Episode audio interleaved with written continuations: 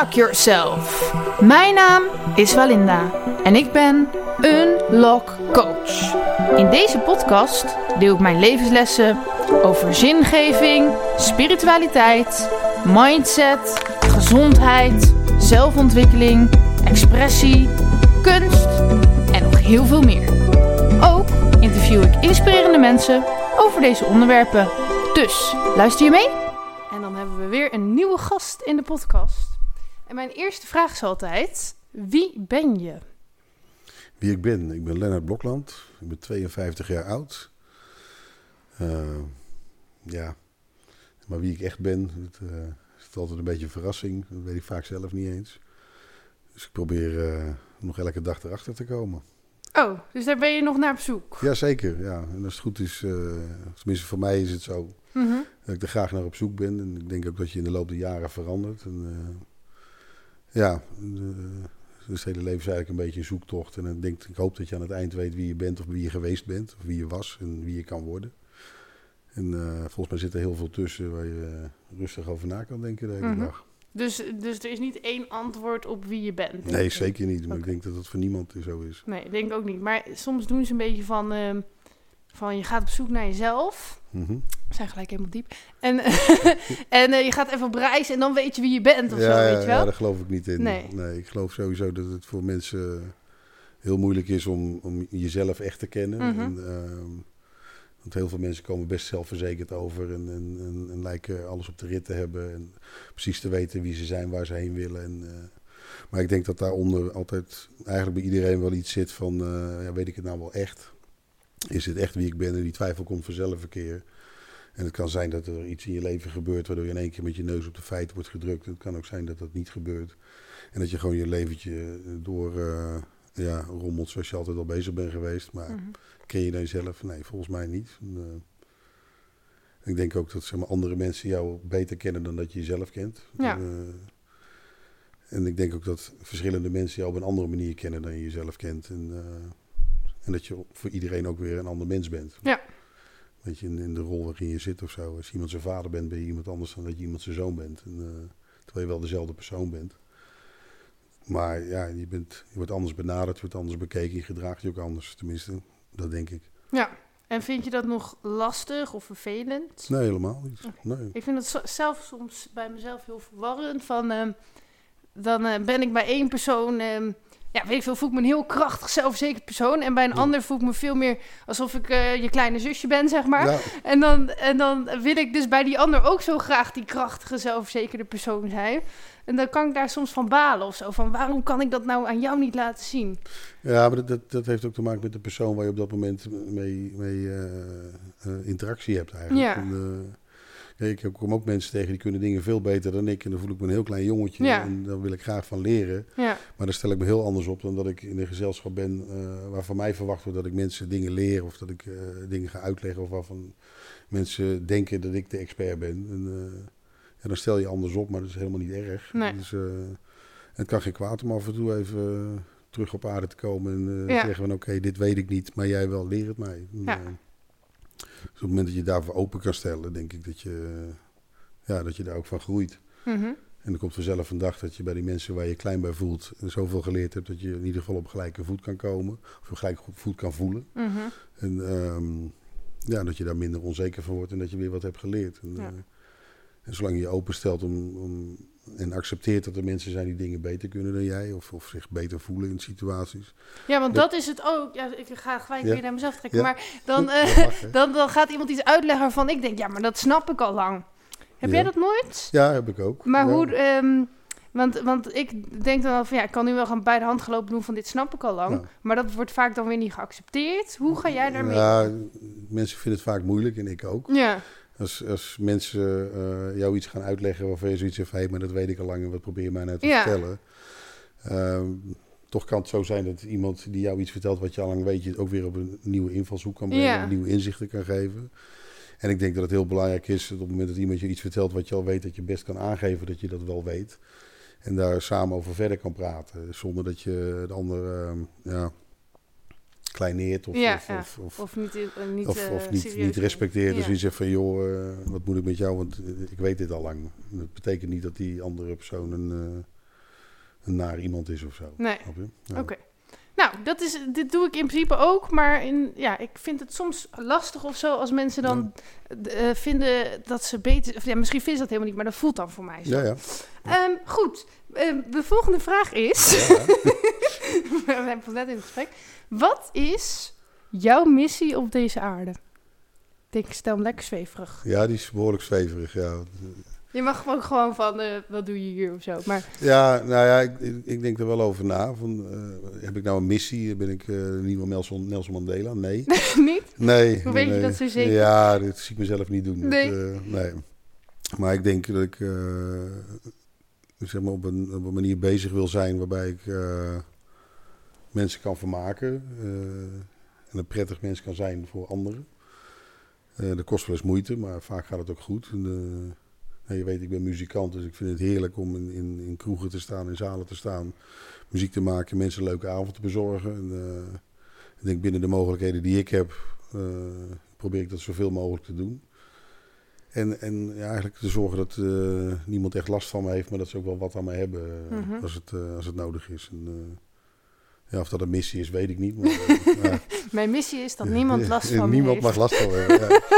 Nee, maar het zit, zit in dingen van. eh, ik doe heel veel losse projecten, speel een aantal bandjes, maar ik doe ook, ook dingen met gospelkoren waar ik mee kom spelen. En, of ik kom ergens saxofoon spelen met een zangeres. En ik, ik probeer dan wel de persoon te zijn die. Ja, waar je prettig mee kan werken. Dus ik loop niet te zeuren over van alles. En, eh, ik zit, ik doe mijn ding, probeer dat zo goed mogelijk te doen. En, eh, ja, dan, dan ben je inderdaad niemand tot last, maar je voegt ook wat toe aan, eh, aan dingen. Dat is wat ik ja, probeer te doen. En, ja, meestal gaat dat goed. Dus, Mhm. ja. En hoe komt het... ehm, ja, ik denk dat niemand dat echt wil, maar je zegt heel duidelijk dat je niet wil dat iemand last van je heeft. Waar komt dat idee vandaan? Was je Nou ja, vroeger ja, wel iemand waar we last van hadden? of- nee, nee, zeker niet. Nee, ben ik nooit geweest. Nee. nee, maar ik, ik kom zeg maar, in situaties met eh, mensen die eh, ja, veel aandacht vragen. En, en als je werkt met een grote groep mensen, dan is het wel eens lastig. eh, als er mensen zijn die zeuren over eh, de temperatuur van de koffie of ja, noem het allemaal maar op. Je wil niet weten waar mensen over kunnen zeuren. Mhm. en, en binnen zo'n gezelschap kan je ook gewoon zelf iets eh, terughoudender opstellen en, en rustig wachten wat er over je heen komt. En eh, ja, gewoon zorgen dat je de dingen die jij moet doen goed doet. En zo goed mogelijk doet. En, eh, zonder dat mensen zich, ja, mensen zoiets hebben van, eh daar heb je hem weer. En, Dus je bedoelt eigenlijk, er zijn al zoveel mensen die zeuren, zo iemand... nee, niet zoveel, maar ze zijn er. En, ja. Maar hoe ga jij dan om met zeurende mensen? Ehm, ja, ik word er niet boos van of zo, maar ik probeer wel aan te geven eh, dat de, vaak zijn de dingen waarover mensen zeuren zijn allemaal niet zo heel erg belangrijk Mhm. eigenlijk. En ehm, ja, dat, dat probeer ik dan ook, ook wel, eh ja, noemen ze dat, bagatelliseren. Eh, mensen klachten hebben over weet ik veel wat, dus van joh, hoe erg is het nou echt? En ja, het is vervelend als het wat kouder is in een kerk waar je met een gospelkoor speelt. En, eh, maar daar ga je niet veranderen. En daar kunnen we dus ons heel druk over maken en de hele dag over zeuren. We kunnen ook accepteren dat het iets kouder is en, en gewoon lekker door. En ik probeer mensen er wel op te wijzen zonder eh, nou direct keihard te zeggen van joh, hou eens op. En, eh, want dat vind ik wel een heel moeilijk iets, wat soms wel heel nuttig kan zijn. Want die mensen ken ik ook die dat wel kunnen. En die inderdaad gewoon de boel afkappen en zeggen van nou ben ik klaar en eh, stop maar met je gezeur. Mhm. En ik probeer het wel wat tactisch aan te kleden of zo. En eh, dat is ook niet altijd goed. En het kost vaak wat meer tijd en, en geduld. Maar ja, ik probeer het altijd wel vriendelijk te houden of zo. Mhm. Eh, Maar ehm, heb je dan niet dat, dat jij heel veel frustraties opkropt? nee, helemaal niet. Oh, Nee. Nee. want zo klinkt het dan een beetje. Nee, want ik heb wel, als, als ik frustraties heb, die komen die er wel vrij vlot uit. En dan ben ik Mhm. het ook kwijt, wel, dat wel. Maar eh, ik blijf er niet lang mee rondlopen, nee. Dat, eh, nou, als iets me echt niet zint en, en ik, ik merk dat, dat, dat mijn lijf daarop reageert, dan, eh, ja, dan, dan reageer ik ook wel, wel wat eh, feller en wat meer vanuit de oermens, zeg maar. Oké, dus dat, Ja. dat doe je wel af. Ja, ja, zeker. Ja. Ehm, even kijken. Dus, maar je missie is dus mensen entertainen vooral. Eh, ja. ja, kan je dat zo zeggen? Is dat een missie? Ja, denk het. Ja. nou, het is iets wat ik, wat ik al heel lang doe en wat ik ook heel leuk vind. En eh, ja, het zou het niet willen missen. En, en als dat dan de missie is, ja, dan, dan is dat de missie. En, uh, ja. Oké. En um, hoe kwam je erop om, ja, ik noem het toch gewoon muzikant te worden? Um, hoe kwam ik erop? Dat is wel vrij jong begonnen. Met, met tennisrackets en zo. En, uh, en gitaar, gitaristen nadoen. En, maar ik zag muzikanten en dat leek mij wel een mooie baan ook. Gewoon uh, de hele dag muziek maken, vooral niet hoeven werken. is helaas iets anders gelopen dan ik uh, toen dacht. Ja, want je werkte ook nog, toch? Ja, ja zeker. Ja. Als, maar, moet nog even noemen. Ja, ja.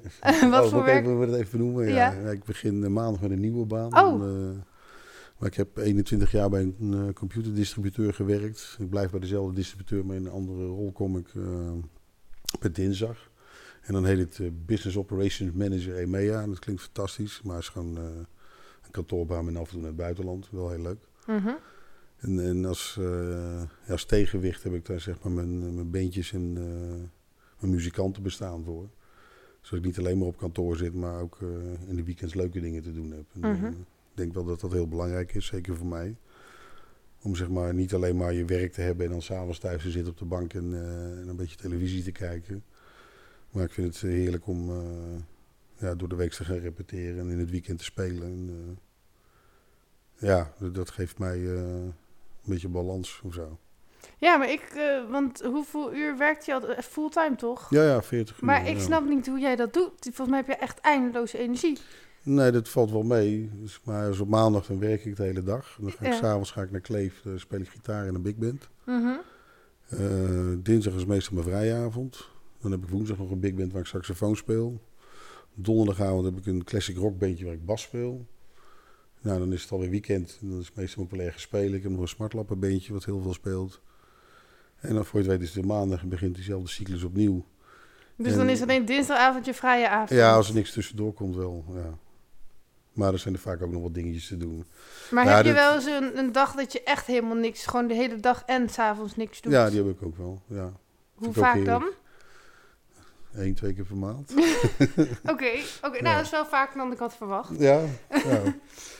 Nee, ik heb ook eens een zondag gewoon niks. En eh, dat is dan hartstikke lekker. Mhm. Maar ik, ik, eh, ja, ik vind het gewoon niet zo leuk om op de bank te zitten en, en, en te niksen. En dan ben ik liever met een groep mensen bezig met, eh, met leuke dingen. Zeg maar. Ja, En, eh, nee, ik ook wel, maar ik word altijd zo snel moe. Ja, moe, moe. En, eh, ik En krijg jij er- bent al 52. Ja, ja, ik ben oud, hè. Ja. Nee, ik krijg er energie van. Ik vind het echt heel leuk om te doen. En, eh, en ik heb ook eens op een maandagavond, dan kom ik thuis uit mijn werk en dan ben ik ook moe. Ja. En dan moet ik mijn spulletjes weer inpakken en dan moet ik eerst weer drie kwartier rijden. En dan moet ik twee uur repeteren en weer drie kwartier terug. En ik heb ook wel eens een avond dat ik daar niet zo zin in heb. Mhm. Maar als ik er eenmaal ben, dan vind ik het echt heerlijk. En, eh, en dan kom ik s'avonds om 11 uur thuis en dan, eh, en dan hebben we de hele avond nog. Hè. Mhm. Ja, en, en ehm, ja, sorry, maar dan heb je bijvoorbeeld ook nog ehm, dat je je huis af en toe moet schoonmaken en eh, administratieve dingen. Ja, dat is, dat is een hele goede vraag. Gewoon chillen met vrienden. Nou, Huishouden. dat chillen, dat kan ook wel met je muzikanten. Ja, ja, ja en ik kom ook wel eens in de kroeg, maar maak je geen Ja. zorgen. De huishouden ben ik wat minder goed in. En, eh, ik woon op mezelf. En, eh, Mhm. ja, dus, eh, af en toe kook ik, maar niet zo vaak. En, eh, meestal haal ik een maaltijdsalade, want het is en gezond en snel klaar, weet je wel. En, eh, ja, en stofzuigen en dat soort dingen, dat, eh, nee, dat komt er eigenlijk niet zo van. En, eh, en dan af en toe, dan, als ik een dag thuis werk, dan pak ik misschien een stofzuiger, maar misschien ook niet. En, eh, maar dan ruim ik wat, wat zooi op. En, maar meestal is het bij mij wel een ja, bende. Mhm. Nou, dat hoort ook wel bij creatieve mensen, vind ik. Ja, ik weet ik niet. Kijk, het, je kan iets wat je gebruikt hebt ook meteen opruimen. En, eh, want ik maak ook mee dat ik thuis kom en dat ik vergeten ben de patatzak van gisteravond weg te gooien. Mhm. En dan stinkt je hele huis en de satésaus. En eh, ja, dan moeten de ramen weer open. Mhm. oh, ja. Dus dat gebeurt ook, ja. Nou ja, dat is ook niet erg. Dus ik heb daar eh, geen tijd voor of weinig tijd Nee. voor. En als ik er tijd voor heb, heb ik er gewoon geen zin in. Nou. Want het is af en toe is het ook lekker om wel op de bank te gaan zitten en niks te doen. En, Ja. Eh, ja, om dan die afwasmachine in te gaan ruimen. Nee. Eh, Oké, eh, maar we hebben de vraag nog niet beantwoord. Oh. Hoe kwam je erop om Oh, ja. muzikant te worden? ja, ehm, Je werd wakker. Ik werd wakker en ik dacht, ja. nee, ik zit, ik zit even te denken. Want bij ons in de familie zit het eigenlijk helemaal niet zo. Ik heb één nichtje die speelt piano en, en vrij goed en contrabas. En dat is eigenlijk de enige in de familie die iets met muziek doet überhaupt. en, Mhm. eh, dus het zat niet in de familie. En, eh, ja, ik weet niet, er werd wel muziek gedraaid thuis vroeger. En op een of andere manier wilde ik altijd gitaar spelen. En, eh, daar ben ik mee begonnen, was ik 11 of zo, of 12, ik weet niet meer. En, en daar vandaan is het eigenlijk dat balletje beginnen te rollen. En toen ik 14 was, stond ik voor de eerste keer op een podium, op een schoolfeest. En, eh, we deden een, eh, een Bob Marley act deden. En die hele zaal die ging uit zijn dak. En toen had ik wel zoiets van, oh, maar dit is hartstikke leuk, dat moeten we vaker doen. En eh, ja, daar is het eigenlijk een beetje begonnen dat ik echt zoiets had van, oké, dit is... eh, ja, is meer dan alleen maar thuis op je instrument zitten oefenen. En eh, één keer per jaar een voorspeluurtje op de muziekschool te hebben. En, dat was wel een soort, ja, moet ik het zeggen, waking up of zo. Dat ik zoiets had van, hé, maar dit, dit, hier wil ik meer van. En dat ben ik ook gaan doen. Ja. Ja. En zo is dat dus eigenlijk vanaf je veertiende treed jou op. Ja. Zo. Ik zit nu opeens nog te denken van, dan heb je dus die vaste repetitieavonden, Mhm. maar dan heb je vaak ook nog wel huiswerk, denk ik. Ja, zeker. Wanneer doe je dat Ja. dan? Dat doe ik na de repetities. Gewoon, eh, hè, maar je zegt dat je om 11 uur s'avonds thuis Ja. komt, dan ga je nog oefenen. Ja, zeker. Hoeveel uur slaap je? ik denk, ja, als je ouder wordt heb je minder slaap nodig. ik denk gemiddeld per nacht zes uur. En, eh, dus ik kan, in principe kan ik tot, tot een uur of half twee kan ik door. En dan een, een half acht de wekker. En eh, even douchen en dan naar mijn werk. En dat is ja, in principe voldoende. En, eh, Maar heb jij nooit een burn-out gehad vroeger? Nee. nee. Oké, bizar. Ehm, Ja, ben jaloers op je hoeveelheid energie. En ik wou dat ik er meer van had. Het, eh, ja, en ik merk wel, zeg maar, als het, en het heeft ook een beetje met je, met je leefstijl te maken. Want als ik zeg maar, in het weekend een keertje goed doorhaal, dan heb ik er wel drie dagen last van. En, Ja. Maar zolang je zeg maar, na repetitie eh, ja, dus niet, niet, niet drinkt of weet ik veel eh, andere toestanden doet, dan ja, ben ik de volgende ochtend gewoon fit. En, eh, en ik heb ook avonden, dan ben ik wel stappen en dan word ik 's ochtends wakker ook nergens last van. Maar ik heb er ook dagen bij, dan word ik wakker en heb ik overal last van. Dus ja. Ja, en je zegt dan leefstijl. Heb je, doe je ook nog sporten? En Ja. wanneer zou je dat dan in de hemelsnaam moeten doen? Nou, dat kan 's vroeg. ochtends. Ja, heel goed. Ja, zeker. Ja. Onder de douche. Nee, kijk, nee, ik heb heel lang eh, hard gelopen. Ja. Ehm, ook marathon en zo gedaan. En eh, dan, dan is het, je hebt een trainingsschema en er staat vier keer in de week hardlopen staat erin. Nou, oké. Dus dan hang je schema op de deur en dan weet ik van nou, maandag moet ik 10 kilometer hardlopen. En ik kan 's ochtends, ik kan 's middags, ik kan 's avonds, wanneer je wil. En meestal pak ik dan eh, gewoon 's ochtends en dan begin ik om 7 uur en dan ben ik om 8 uur weer terug. Heb ik 10 kilometer gedaan, ga ik douchen, ga ik naar mijn werk. En Hoe laat moet je op je werk zijn? 9 uur dan? Ja, ze beginnen om 9 uur, maar ehm, ik kom daar al 21 jaar eh, ietsje later binnen. Eh, zijn ze ook gewend. Dus meestal ben ik er rond half tien. En, dat is ook oké. Eh, maar die mensen bellen ook gewoon in het weekend. Dus ja, dat moet ook gecompenseerd worden. En als ik op zaterdag uit mijn bed gebeld word, dan is het ook prima. Dan ga ik ook aan het werk. Maar dan moeten we ook niet zeuren als je om half tien binnenkomt. En, eh, maar dat was bij mijn sollicitatie al. Eh, ik heb 21 jaar bij dezelfde club gezeten. En ik zei van, ja, we zijn niet op zoek naar een 9 tot half 6 mentaliteit. Ik zeg, nou, dat treft. Ik heb een half tien. Om 9 uur zie je me niet, weet je. En, eh, en als het nodig is, dan werk ik s'avonds ook door. Dus eh, dat is geen probleem als, als het kan. En, eh, maar dat, dat moet wel van twee kanten komen. Ja. Dus eh, ik wil best dingen extra doen voor jullie. Maar dan moet je van mij accepteren dat ik wel eens wat later ben. En, ja, dat gaat al heel lang goed eigenlijk. Dat, ja. Oké, ik eh, vind het knap allemaal. Dus er zit ik zeggen. 24 uur in de dag. Als je 6 uur slaapt, dan heb je er... eh, Maar ik 18 slaap sowieso altijd al Heb je er op 18 7, over? 8 uur minimaal. Ja, maar ook als je acht heb je 16 uur over op een dag. Hè? Ja. Waarvan je er 8 uur moet werken, heb je nog 8 uur over. Dat is een, dat is een hoop. Dan kun je een uurtje hardlopen, dan kun je twee uur gitaar spelen en dan kun je van alles nog gaan doen. Ja. Dus zelfs wel tijd voor het huishouden. Oké, ehm, nou de instrumenten die je bespeelt heb je al, allemaal al een beetje gezegd. Ja. Ehm, ja, je maakt al muziek vanaf je veertiende. Wat heeft muziek voor rol gespeeld in jouw leven? Dat is een hele algemene vraag. dat is inderdaad een hele algemene vraag. Ehm,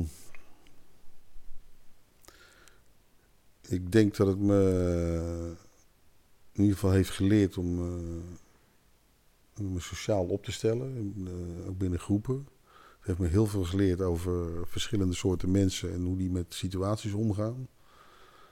Ehm, het heeft me ook heel veel geleerd over hoe je met mensen om moet gaan. Want ja, ook onder muzikanten heb je allerlei verschillende types. En uh, er zitten hele dominante types tussen, ook hele timide types.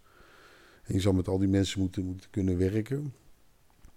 En het heeft me ja, plaatsen gebracht waar je als normaal mensen, zoals niet-muzikant, nooit zou komen. Mm -hmm. Noem eens een uh, voorbeeld. Ja, die, die, heb ik voor je. En, uh, ik had in de jaren negentig, uh, zat ik in een Nederlandstalig popbeentje, dat heette Springend Wild. En ik kreeg een platencontract. Mm -hmm. En ja, dat, dat was ongekend voor ons. Dus ik was 21, zo 20.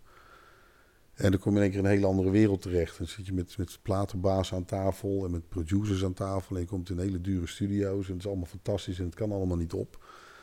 En een, ding, een van de dingen die eruit voortkwam was een, uh, een optreden in Tialf, in uh, het ijsstadion tijdens het ijsgala. En er zitten 15.000 mensen zitten erin, en hoeft alleen maar te playbacken. En, uh, en ik sta daar ergens op die, die middenstip, noem het maar even zo. en we staan te playbacken en we hadden een aardig slokje op, want ja, we het toch niet live te spelen. En ik kijk om me heen en er komt vuurwerk naar beneden. En, en zat het Friese volkslied zat erin. En toen dacht ik bij mezelf van ja, dit is wel fantastisch. Mm -hmm. En dat maak je dus uh, als, ja, als, als, normale burger, zeg maar, maak je dat dus gewoon niet mee. Nee. En, uh, kom je niet in dat soort zalen. En, uh, ik heb ook in de arena gespeeld. Nou, dat Zo. was voor een lege arena. Dus, maar goed, telt toch. Waarvoor moest je voor een lege? Voor een bedrijfsfeest. Die hadden daar op, bij het voetbalveld hadden ze daar een podiumje gemaakt. En, zijn voor 50.000 lege stoelen. Echt, echt een aanrader. nou, maar allemaal dat soort hele... hele... nog wel. Ja, ja en, ik heb tournees gedaan en, en die komt in heel veel zalen. En uh, je ziet ook de achterkant van, van uh, die hele muziekwereld. En dat vond ik dus hartstikke leuk. En mensen hebben ook zoiets van, we betalen toen ook vrij goed. Dus van, nou, dat is een hoop geld voor twee uurtjes werken. Maar ze vergeten dan dat je er twee uur naartoe moet rijden. Alles moet opbouwen. En s'nachts weer af moet breken en weer naar huis moet rijden. En, uh, maar die hele achterkant krijg je ook te zien. En ook hoe het in studio's aan toe gaat. En ja, dat zijn plekken waar we altijd een beetje een mysterie omheen hangt. Van de, van de, band gaat de studio in, oh jee. En als je er eenmaal zit, dan is het eigenlijk een hele normale werkomgeving. Alleen, ja, er lopen beroemde mensen rond. En, uh, maar die moeten ook gewoon eten. Dus dan zit je aan tafel met René Vroger en met Herman Brood. En die zitten ook te lunchen. En, uh, en na een paar dagen is het eigenlijk heel normaal geworden. Maar alleen je realiseert je wel van... Um, ja, de gemiddelde Nederlander komt daar dus niet. Nee. En uh, ja, dat, dat, dat vind ik altijd wel, uh, wel erg leuk of zo. En, uh, dat, dat, ja, hoe moet ik dat zeggen? Wat was de vraag ook alweer? Want het zat een beetje in de vraag. dat weet ik nu ook niet meer. Oh ja, wat, van wat, voor, betekent... wat muziek voor rol speelde in je ja, leven. precies. Nou, dus dat, weet je. Dat je Mhm. op plaatsen komt en mensen ontmoet die je ja, anders niet zou ontmoeten. En, ehm, ja, er zitten best inspirerende figuren bij. Mhm. En, ja. Wie is dan het meest inspirerend die je ooit bent tegengekomen? Uh, ik denk dat dat Peter Koelewijn is geweest. En, uh, het klinkt een beetje raar misschien, maar die... Uh, ik moet die, heel eerlijk zeggen dat ik helemaal niet weet wie Jij weet niet wie dat is. Ken je, misschien ken je het liedje nog Kom van het dak af. Oh ja. Dat? ja. Nou, hij heeft dat geschreven ergens uh, jaren 60 ja. geloof ik. Ik dacht ook wel van, volgens mij heb ik de naam wel eens ja. gehoord, maar... En die is in Nederland een tijd lang heel beroemd met dus 80 geloof ik, of nou, 80. In ieder geval over de 70. En, maar die, die stond op zo'n ontspannen, uh, ja, ontspannen manier in het leven. Niet dat hem niks interesseert of zo, maar die, die, werd nergens warm of koud van. Die, uh, die maakte zich niet zo druk en daar heb ik echt wel veel van geleerd. En, uh, toen heb ik een paar keer met hem wezen stappen en het is allemaal heel... Maak je niet druk, komt wel goed. En, uh, want wij waren in die tijd vrij jong en alles was zo... We moeten dit, we moeten dat. En, ja, die straalde heel veel rust uit. En, uh, ja, dat is van, van zeg maar, in, in die hoek aan, aan mensen die ik heb ontmoet wel... Uh, dus nou, sinds dat je hem hebt ontmoet ben je ook zo? Of was nee, je maar ben ik later ben ik rustiger geworden. Ja? Zeg maar. Was ja. je vroeger minder rustig? Ja, ja vroeger was ik uh, een stuk minder rustig, ja. Oké. Okay. Dus, constant, constant op pad en de kroegen en ja... Maar dat is allemaal wat minder geworden nu. Nou ja, je, zegt, je gaat nu ook nog de kroeg. Ja, ik ga nog wel de kroeg. ja. Maar wat is dan het verschil met vroeger en nu? Nou, ik hoef nu niet meer tot, uh, tot drie uur s'nachts door. Ik hoef niet, niet zoveel te zuipen als ik maar kan. En, uh, ik hoef niet meer achter de meisjes aan, weet je wel. Dat soort toestanden. En, uh, ik ben nu gewoon keurig op tijd thuis. Of nou ja, een soort van op tijd. En er zit wat meer ja, rust in. Ik ga nu meer voor mijn, voor mijn plezier naar de kroeg. En, ja.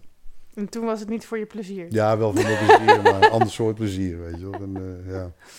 Oké, Ehm, even kijken hoor. Dit heb je al genoemd. Ehm, wat voor opleidingen heb je allemaal gedaan?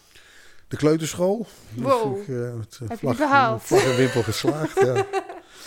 En daarna heb ik in Ede de lagere school gedaan. Ik ben daarna naar het streeklyceum gegaan en eh, heb uiteindelijk een VWO-diploma gehaald. Daarna wilde ik naar het conservatorium. En heb ik een jaartje vooropleiding gedaan, maar eh, door gebrek aan talent werd dat niet, niet verlengd. En, eh, toen vond ik dat heel erg, nu snap ik wel waarom. Eh, daarna ben ik muziektechnologie gaan doen, een HBO-opleiding aan de Hogeschool in Utrecht. Die heb ik ook afgerond. En daarna ben ik in het leger geweest, als dienstplichtig sergeant nog. Ja. Een van de laatste lichtingen was dat. En, en toen de WW in, zes maandjes. En eh, toen kreeg ik wat klusjes als chauffeur bij een eh, computerbedrijfje, ook hier in Ede. En daar heb ik een aantal jaar gewerkt totdat ze failliet gingen. En toen ben ik bij Ingram Micro gaan werken in Utrecht. En, eh, daar zit ik nu nog. En, ja, dat, dat zijn mijn opleidingen. Oké. Dus op zich wel vooral muziekopleidingen, toch? Ja, ja ik wilde dat wel heel graag. Ik zat natuurlijk op dat moment ook middenin uh, in het wereldje waar dat allemaal gebeurde.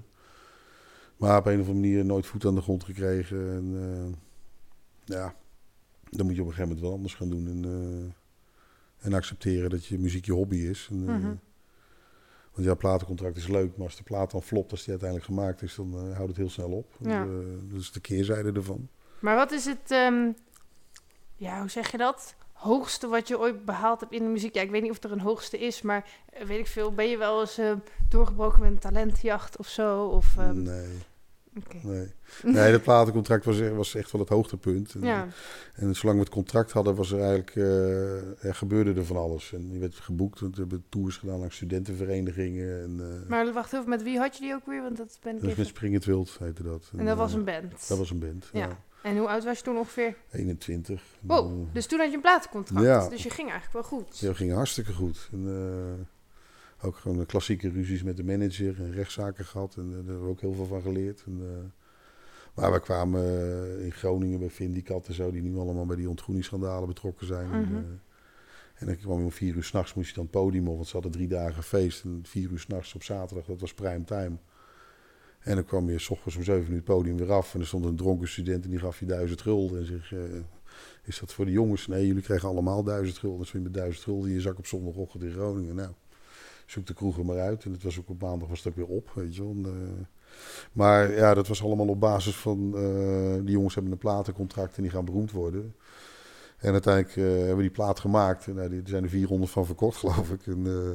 Ja, dan stort eigenlijk dat alles eromheen stort dan ook in. Dat is ook meteen weg. En eh, dan word je in één keer niet meer gebeld door de studentenvereniging. Die denken dat je beroemd gaat worden. En die weten dan van, nou, jij gaat niet beroemd worden. Dus wij boeken jou niet meer. eh, Ongeacht of het beentje wel of niet leuk is. En, eh, ja, dat is op zich ook wel een ja, wijze les is dat. dat je, Want dus op je 21 begon het en wanneer was het afgelopen?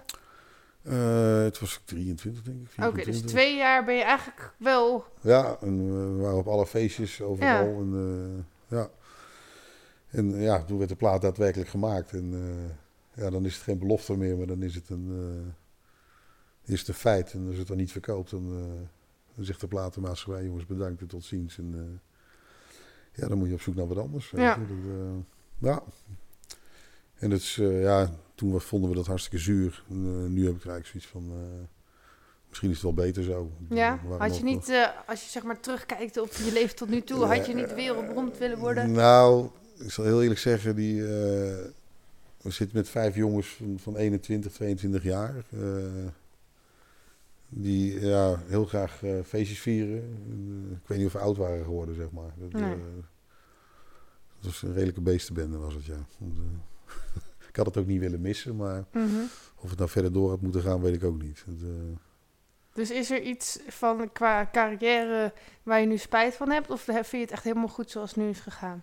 Ik heb, ik heb er vrede mee. Ja. De- kijk, eh, ik weet natuurlijk niet hoe het was gelopen als we, eh, als we dit 40 jaar hadden gedaan. Maar ja, het is goed zo. Ja. Want ik denk dat het zeg maar, alleen maar harder uit de hand was gelopen als het langer door was gegaan. Eh, En ehm, had je dan ook, ehm, of misschien nog steeds wel, dat je echt fans hebt die, die je bijna gaan stalken en Ja. die, die bij elk concert... Heb je dat nog steeds? nee, nu niet meer. Oké. Nee, nee. Ja, behalve je vriendin Nee, natuurlijk. Ja, ja, die wel. Ja, Die- ja dat is mijn persoonlijke PR-bureau. Is dat, ja. Eh, nee, heb ik, we hebben meegemaakt, we hebben voorprogramma's gedaan bij Clouseau en bij de Dijk en zo. En, eh, ja, daar, daar lopen best wel wat rare mensen rond. En eh, dan krijg je ook brieven thuis waarvan je afvraagt hoe ze überhaupt aan je adres komen met, eh, met hele persoonlijke verhalen. Dat ik heb van, oké, dit hoef ik allemaal niet te weten. En, eh, ja, er zijn wel een hoop enthousiaste mensen. eh, een club meisjes meegemaakt die gingen glazen graveren. Met het logo van het beentje erop. En die belt dan op. Joh, we hebben 30 glazen voor jullie staan. Willen jullie die hebben? En die kregen we dan. Weet je, verkopen. En, en wij hadden zoiets van: oké. Ja, aan de ene kant is het heel lief. Aan de andere kant is het ook een beetje spooky, zeg maar. Eh, Mhm. want er lopen wel wat rare mensen rond, ja. Die, eh, maar dat zie je nu nog hè, bij die, eh, weet je, die gasten allemaal, die Wolter Kroes en zo. En die, die, die jongens die nu bekend zijn. Mhm. En, en, eh, ik weet niet of je wel sterren.nl kijkt op zaterdagmiddag. Niet zo vaak. Nee, ik ook niet zo vaak, maar ik vind het stiekem wel heel leuk. Ja. Maar er zitten van die, ja, van die Nederlandstalige zangers. En, laatst op een feest gespeeld met een van die jongens. En, Mhm. daar lopen meisjes rond, die, die zijn helemaal wild van zo'n kerel. En, Mhm. eh, Maar dat is ook weer het soort publiek, denk ik hoor. Ja, ja, ja en nee. Dus ik denk wel dat het daar iets erger is. Ja. Dan, eh, maar we hebben dat met Beentje ook wel meegemaakt. Ja, gewoon, eh, Maar wat is dan het gekste, ja, wat is dan het gekste En, wat je qua fans ooit hebt meegemaakt? Heeft iemand wel eens, weet ik veel, voor je deur geslapen of zo? nee, nee, nee. Zo erg is het nooit geweest. Nee, nee. Nee, nee, wat is het gekste wat je hebt meegemaakt? Ik heb geen idee eigenlijk. Of Eh, dat je gewoon niet meer veilig over straat komt? Nee, zo erg is het allemaal niet geweest. Nee, nee. Mm, even denken. Met wie werk ja, dat heb je ook al een beetje gezegd. Met wie werk je allemaal samen en hoe organiseer je dat? Nou, misschien wil je er nog extra aan toevoegen na al dat je al je repetities hebt genoemd en zo. Ehm, ja, dus in de orkesten waar ik speel, ben je... eh, dan werk je met een dirigent. Mhm. Ehm, dus ik, ik werk met meerdere dirigenten. En dan moet ik braaf zitten, zorgen dat ik mijn partijtjes ken. En eh, goed luisteren en goed opletten. En dan is de ene dirigent de andere niet. En ik heb eh, hele strenge dirigenten meegemaakt. Ook hele leuke dirigenten. Ook strenge en leuke, dat kan ook. En, en de meeste mensen op het vlak waar ik mee werk, die, ik vind het razend knap als jij met een groep van 25 mensen eh, eh, het geduld kan bewaren om, om te proberen daar wat moois van te maken. Mhm. En, eh, en dan ligt het ook nog een beetje aan het niveau van het orkest. Ja, Want hoe lager het niveau is, hoe moeilijker het wordt voor een dirigent om er echt wat van te maken. nou ja, En, misschien wel qua gezelligheid, maar qua muziek. ja, ja, ja, zeker. ja, ja. Nee, ik ken, ik ken een mevrouw die is dirigente bij vier of vijf koren. En, en ja, een koor is eh, meestal een amateurgezelschap. Ja. En er zitten mensen bij die kunnen goed zingen. En mensen die kunnen wat minder goed zingen. Ehm, maar het, dat is altijd wel heel gezellig. En, Mhm. ehm, en die belt me wel eens van, joh, we hebben een concertje daar en daar wil je meedoen. Wil je bassen, wil je gitaar komen spelen? En ik zeg eigenlijk altijd ja.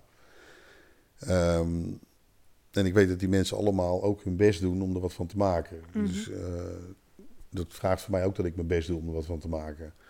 En dan, dan worden ze toch door zo'n dirigent naar een hoger niveau getild. Eh, dan zingen ze beter dan ze normaal zouden kunnen. En zijn koor klinkt ook beter. En in het geheel is het, het is zo razend moeilijk om dat allemaal in de hand te houden. En, eh, dan probeer maar eens 25 mensen stil te krijgen als je wat wil zeggen. Nou ja, ik heb eh, heel veel lesgevervaring met Ja, pubers. nou ja, dan weet je. het. ja, weet je. Kijk, een, een, een koor met mensen tussen de 30 en de 50 is niet anders dan een klas met pubers, weet je. Nou, Ja, maar goed, ik, zeg het verkeerd, maar het die vertonen een soort gelijk gedrag, Ja. weet je wel. En, Ja. eh, want ze beginnen toch achterin van de bzz, en eh, oh, heb je dat nou? En je moet dat stil krijgen en dan moet je de aandacht dus vasthouden. En, eh, Ja, en je kan ze niet echt straf geven, dat kan op nee, dat kan ook. Ja, ja, je kan zeggen, als jullie niet stoppen, dan ga ik naar huis. Weet je. Dat eh, heb ik ook wel meegemaakt. Maar ik vind het razend knap hoe, hoe, hoe dat soort mensen dat, eh, dat allemaal in de hand houden. Ja. En, ja, en, ja, ik heb daar ook enorm respect voor. Dus ik zit er ook, ik probeer dus ook echt mijn best te doen en het zo goed mogelijk te doen. En vooral niet in de weg te lopen, niet tot last zijn, zeg maar. Mhm. En, ehm, en, en, en te helpen waar ik kan. En, eh, ja, ik, ik maak mee dat ik met een gezelschap in het theater kom. En dat mensen echt omhoog staan te kijken van, oh, en een lampen en oh, en, uh, oh, en een microfoon, oeh. En die zijn er nog nooit geweest. En die zijn Mhm. dan ook over de 50 en die hebben nog nooit in het theater gespeeld. Mhm. En, eh, ja, die moeten toch wel een soort van gerustgesteld worden. dus daar ga ik ook mee Ik hou mee je praten. hand wel ja, vast, nee, Henk. maar daar ga ik wel even mee praten. Van, eh, goh, en, eh, weet je wat dit voor is? En weet je wat hij doet? En, eh, ja, die wennen daar wel aan, want ik heb er honderden van die dingen gedaan. Ja. En, en, en dan, dan is het wel fijn als je die mensen een beetje ja, gerust kan stellen of zo. Van nee, het is niet eng en ga lekker zitten en heb een leuke avond. En Maar heb je wel eens gezien dat iemand eh, huilend het podium afging of zo? Of dat, eh, eh, ja, heb ik ook wel eens gezien. ja. Ja. oh. Ja, of het gewoon echt dichtslaan, weet je. Ik durf dit niet. Of, ja, ja en het, is, en het is natuurlijk... je kan het honderd keer doen, maar het blijft natuurlijk wel spannend. ja, ja. Helemaal afhankelijk van, van de setting. Want ik speel met, een- met een smartlapperbandje, dat doe ik al 30 jaar. En we spelen al 30 jaar ongeveer dezelfde liedjes in ongeveer dezelfde volgorde. Ja, daar ben ik niet meer zenuwachtig Nee. voor. En, eh, maar ik zit ook eh, bij musicals met, met, eh, met amateurgezelschappen. En ja, dat is best wel even spannend. Want Pietje moet op tijd op plekje A zijn en Jantje op plekje B. En jij moet op tijd je muziek inzetten. Je mag niet te vroeg zijn, mag niet te laat zijn. En kan ik de dirigent wel zien. En dat is best wel spannend. En, en ik heb het ook meegemaakt dat, eh, met, met, met, een meisje van negen. Dat moest in de eentje een liedje zingen voor een zaal van 700 mensen. Mhm. En die had het ook nog nooit gedaan. En, eh, dus dan zit ik wel op het puntje van mijn stoel om het zo goed mogelijk te doen. En, eh, ja, dan zitten er andere mensen in het orkest die te vroeg invallen of te laat invallen. Ah. Ook niet horen dat ze mis zitten. Oeh. Ja, dan moet je drie avonden doen, hè, achter elkaar. En dat ik echt zo die mensen aan zit te kijken van, joh, je, zit niet goed. En, vrolijk doorspelen. En dat vind ik dan voor zo'n meisje van negen, Ja. die, die kreeg het voor elkaar om zich daar niets van aan te trekken. En gewoon het ding te doen. Wow. Ja, ik was echt gewoon echt onder de indruk, een beetje ontroerd ook, weet je. Mhm. Van wauw, wat, wat goed. En, en dan vind ik ondertussen wel die meneer die eh, met, met zijn strijkstok te vroeg was, vind ik echt een lul. Ja, En, eh, maar goed, dat zal hij vast niet expres hebben gedaan. Dat kan, weet je. Maar volgens mij is het zo dat dat meisje van negen heeft enorm de best gedaan om dit goed te doen. En die staat ook echt, en die staat ook stijf van de zenuw, echt. En die staat dus, oké, ik ga mijn ding doen. En die let op en die, die, die kijkt naar de dirigent. Die geeft zij van, jij moet nu invallen. En er zit er daarnaast iemand te harken die 30 jaar ouder is en beter zou moeten weten. En, en dan kan het een keer gebeuren. Mhm. Alleen, dan krijg je een afloop, kom ik wel even naar je toe. Daar gaan we het wel even over hebben. En dat doe ik niet boos. Maar ik zeg van, hé, jullie waren daar te vroeg. En, eh, oh, eh, volgens mij niet. Ik zeg, nou, volgens mij wel. En dan raak ik wel licht gefrustreerd en geïrriteerd. En dan kan ik ook wel boos worden. Alleen dan moet je nog twee avonden met diezelfde mensen. dus je kan het ook niet te bond maken. Maar ik zit dan wel op hetzelfde punt in de show. Dus ik hem echt aan te kijken. En strak aan te kijken. Van, eh, jij gaat niet weer te vroeg invallen. En dan kijken ze eerst nog terug. En dan op een gegeven moment gaat het oogjes gaan uit het papiertje. Van, en dan zijn ze wel geconcentreerd. En dan gaat het wel goed. En dan kijk ik na afloop, kom ik dan ook nog wel even naar je toe om te zeggen van... hé, hey, we stop, morgenavond weer. En, eh, maar ja, je moet wel, met, zeker met dat soort dingen... ik kan er heel slecht tegen als mensen gewoon eh, ja, een beetje achterover zitten van... nou ja, het Mhm. komt wel goed. En eh, nee, er staat iemand gewoon voor een volle zaal. Wat- ik zou het niet durven, weet je. Dat, eh, Nee, durf je niet te zingen nee, voor een zaal? Ja, ik durf wel te zingen voor een zaal, Ja. maar in mijn eentje en, en in zo'n setting, ik weet het niet hoor. Dat, eh, ik vind het echt razend knap. Dat, Ik was ook acht met mijn eerste optreden of zo. Ja. Dus. Nee, maar wat, wat jij ook doet met, Mhm. met, met je zingen, dat hebben we toen in Cultura Mhm. gedaan. Ja, ik durf dat niet, echt niet. Dus, Nee? eh, nee, jij gaat staan en ik, ik snap je, natuurlijk ben je zenuwachtig. Ja, Maar eh, je doet je presentatie, dat vind ik ook vreselijk moeilijk. En, eh, en, en je zingt je liedjes. Kijk, dat je je liedjes kan zingen, dat geloof ik wel. En dat, dat heb je, weet ik veel hoeveel jaar, je hebt ze zelf geschreven, dus je kent ze. Dat komt wel goed. Maar dan is het liedje afgelopen. En dan moet je wat gaan zeggen tegen die mensen. Weet je van, nou, welkom allemaal en weet ik veel wat. En dat vind ik echt razend moeilijk. En, ja, daar word ik ook best wel, best wel nerveus van of zo. Ja. ja. Dus ik vind het echt knap als mensen dat kunnen. Maar toch, eh, als jij met jouw band daar staat, dan zijn jullie... Ja, maar dat is ook samen. Maar dan samen. zijn jullie samen wel heel grappig. Ja, dat klopt. Maar als ik even eh, niks te melden heb, dan heb ik een zanger die heeft al die tekst al lang ingestudeerd. Die weet precies wat hij gaat zeggen tussen die nummers door. En, eh, en daarom weet ik ook welk liedje er komt. Maar ik hoef niet altijd zeg maar, in mijn eentje de boel te redden. Nee. Of, en, en dat vind ik wel heel fijn aan een beentje. Want ik doe ook nog een act met, dan speel ik Johnny Cash liedjes met een iPad en een, een orkestband. Vind ik, eigenlijk vind ik het vreselijk, maar het betaalt heel goed. Maar dan sta ik dus als een soort behang sta ik in, in een kroeg met mijn gitaar en dat is het. En, en dan heb ik liedjes, en liedjes zijn ook heel kort. Echt twee, twee, drie minuten hooguit. En dan is het liedje weer klaar. Ja, wat, wat moet ik nu gaan vertellen? Weet je wel? Maar nu heb je ook genoeg te vertellen. Ja, ik heb wel wat te vertellen. Ja. Maar ik vind het moeilijk als ik in mijn eentje op een podium sta met mijn gitaar. En, en ik, heb, een- ik heb een zaal met mensen voor me. En daar moet, ik- moet ik een verhaal tegen gaan Ik ga van de zenuwen altijd juist extra praten, volgens Ja. mij. Ja, ja, ik, ik vind het echt... Maar het komt ook wel bij mij doordat ik zoveel les heb gegeven. Mhm. Eh, de, de, op het begin vind je dat ook dood. eh, Of tenminste, Ja. ik vind het nog steeds eng hoor, voor groep staan.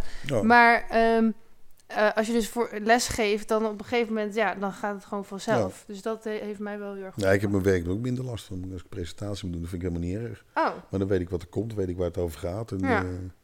Dus ik zit ook over te denken, misschien moet ik gewoon teksten instuderen voor tussen de liedjes. En, eh, ja, dat maar het moet ook ook niet ingestudeerd nee, nee, dat vind ik dan ook weer zo wat, weet je wel. Dat, eh, ja. Mm, wie is je grootste inspiratiebron en waarom? Ik heb werkelijk geen idee. Nee, heb je die Nee. niet? Nee, ik heb heel veel biografieën gelezen van heel veel verschillende mensen. Ik vind heel veel muzikanten vreselijk goed. Maar als grote levensinspirator... eh, Of misschien tijdelijke, dus dat je zegt van in mijn tien jaar was die het, in mijn adolescentie was die het. Nou, weet ik niet. Nee, ik, ik weet, ja, ik- op, op muzikaal vlak was ik enorm overdonderd door Prins. Toen was ik 14, toen heet het allemaal Purple Rain uit. Daar was ik echt, echt ja, van onder de indruk. En, en alles wat hij daarna gemaakt heeft eigenlijk ook. En, eh, dus dat is ja, op, op dat vlak wel een inspiratie, maar als grote levensinspirator, nee, zou ik eigenlijk niet weten. De, Je hebt geen goeroes die nee, nee. Oké. Oké, nee, ik heb ook niet zoiets van, eh, oh, zo, zo zou ik willen zijn, weet je. Dat, eh, Maar heb je dan wel ook stukjes van mensen, Mhm. weet je. En- en- en- Mhm. Wat ik zeg, ik lees heel veel biografieën. En dan heb ik een biografie van Nelson Mandela uit. En dat vind ik fantastisch wat die man gedaan heeft. En ik denk alleen niet dat ik dat zou kunnen. Nee. Wat, wat je wel kan doen, denk ik, is... eh, ik ben in Zuid-Afrika geweest. En dan zie je de invloed van zo'n man. Dan zie je een standbeeld van zo'n man. Dan zie je teksten van zo'n man. Die staan er overal op de muur. En denk van ja. En dan kun je wel je dingetjes uitplukken. Plukken dat je denkt van hé, hey, dat, eh, dat, dat, dat raakt me. Of dat, dat zegt me iets. En, eh, maar daarmee is niet Nelson Mandela mijn grote inspirator of zo. Nee. Want, eh, En, en als muzikant neem je bijvoorbeeld dingen van andere muzikanten over? de hele dag, ja. Oké, dus je hebt niet dat je kan zeggen, ik ben deze vijf muzikanten bij elkaar. Nee, nee, maar ik denk dat geen muzikant het kan. Nee, Kijk, ik ben opgegroeid. Bijvoorbeeld Johnny Cash werd thuis gedraaid. Mhm. en, en vervolgens eh, is Johnny Cash natuurlijk helemaal niet hip als je 15, 16 bent.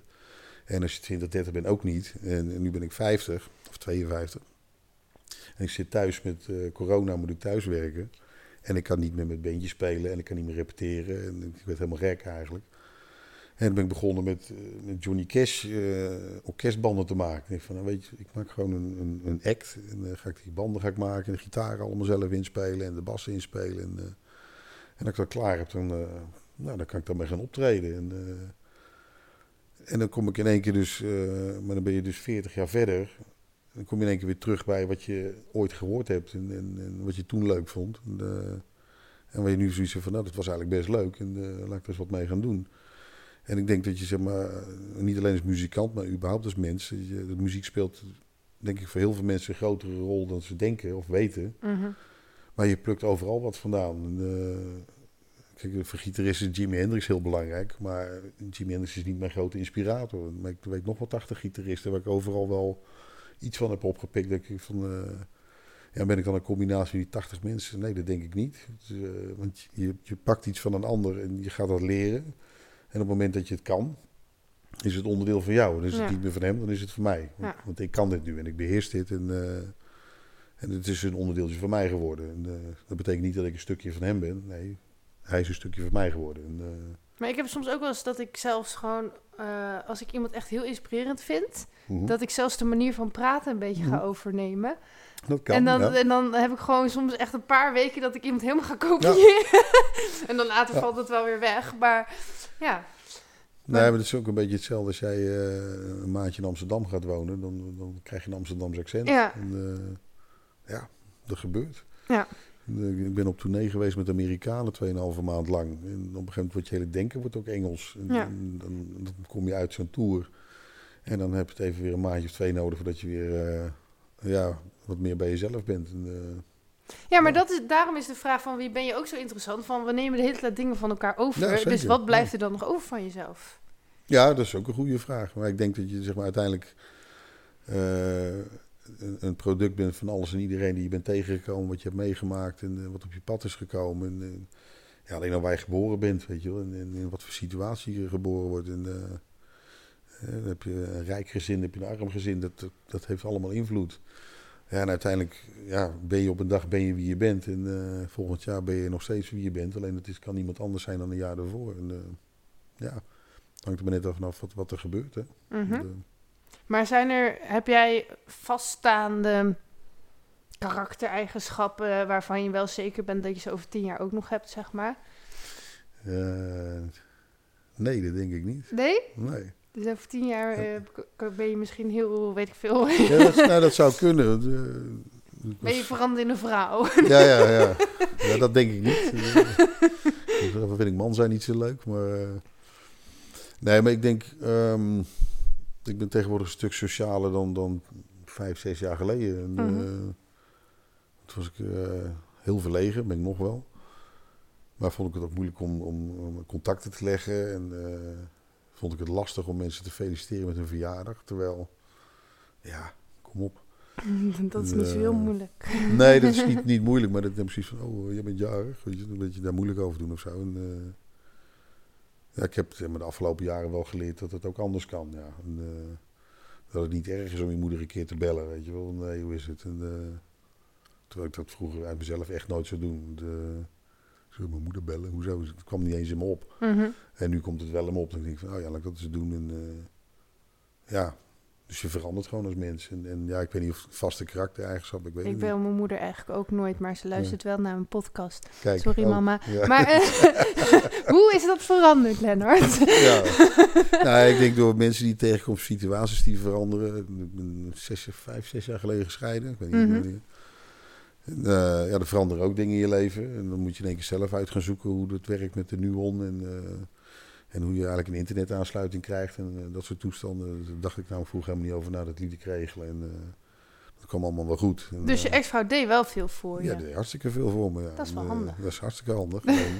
betekent dus dat je zelf niet zoveel doet. En er ook echt niet handig in wordt. En, dingen als verzekeringen en hypotheken. Ik begreep daar helemaal niets van. En, en eigenlijk nog steeds niet. Maar op een gegeven moment moet je. Ja. Dus dan ga je op zoek naar mensen die je daarmee kunnen helpen. En, uh, ja, dan kom je met hele andere, andere figuren in gesprek. En, uh, ja, in één keer heb je een, een, financieel adviseur, had ik echt nodig, want ik had echt geen idee. Mm -hmm. ja, ik moet een hypotheek en nu. En, uh, ja, maar dan is het ook nog een vraag van, als je er zelf niet zoveel verstand van hebt, hoe weet je dan dat je de goede hebt? Dat vind ik ook altijd lastig. Ja, dat is altijd afwachten. Maar Ja. ik ga ervan uit dat mensen die dat vak uitoefenen, die, uh, die in de basis eerlijk zijn en weten wat ze aan het doen zijn. Dus, uh, Hoop je.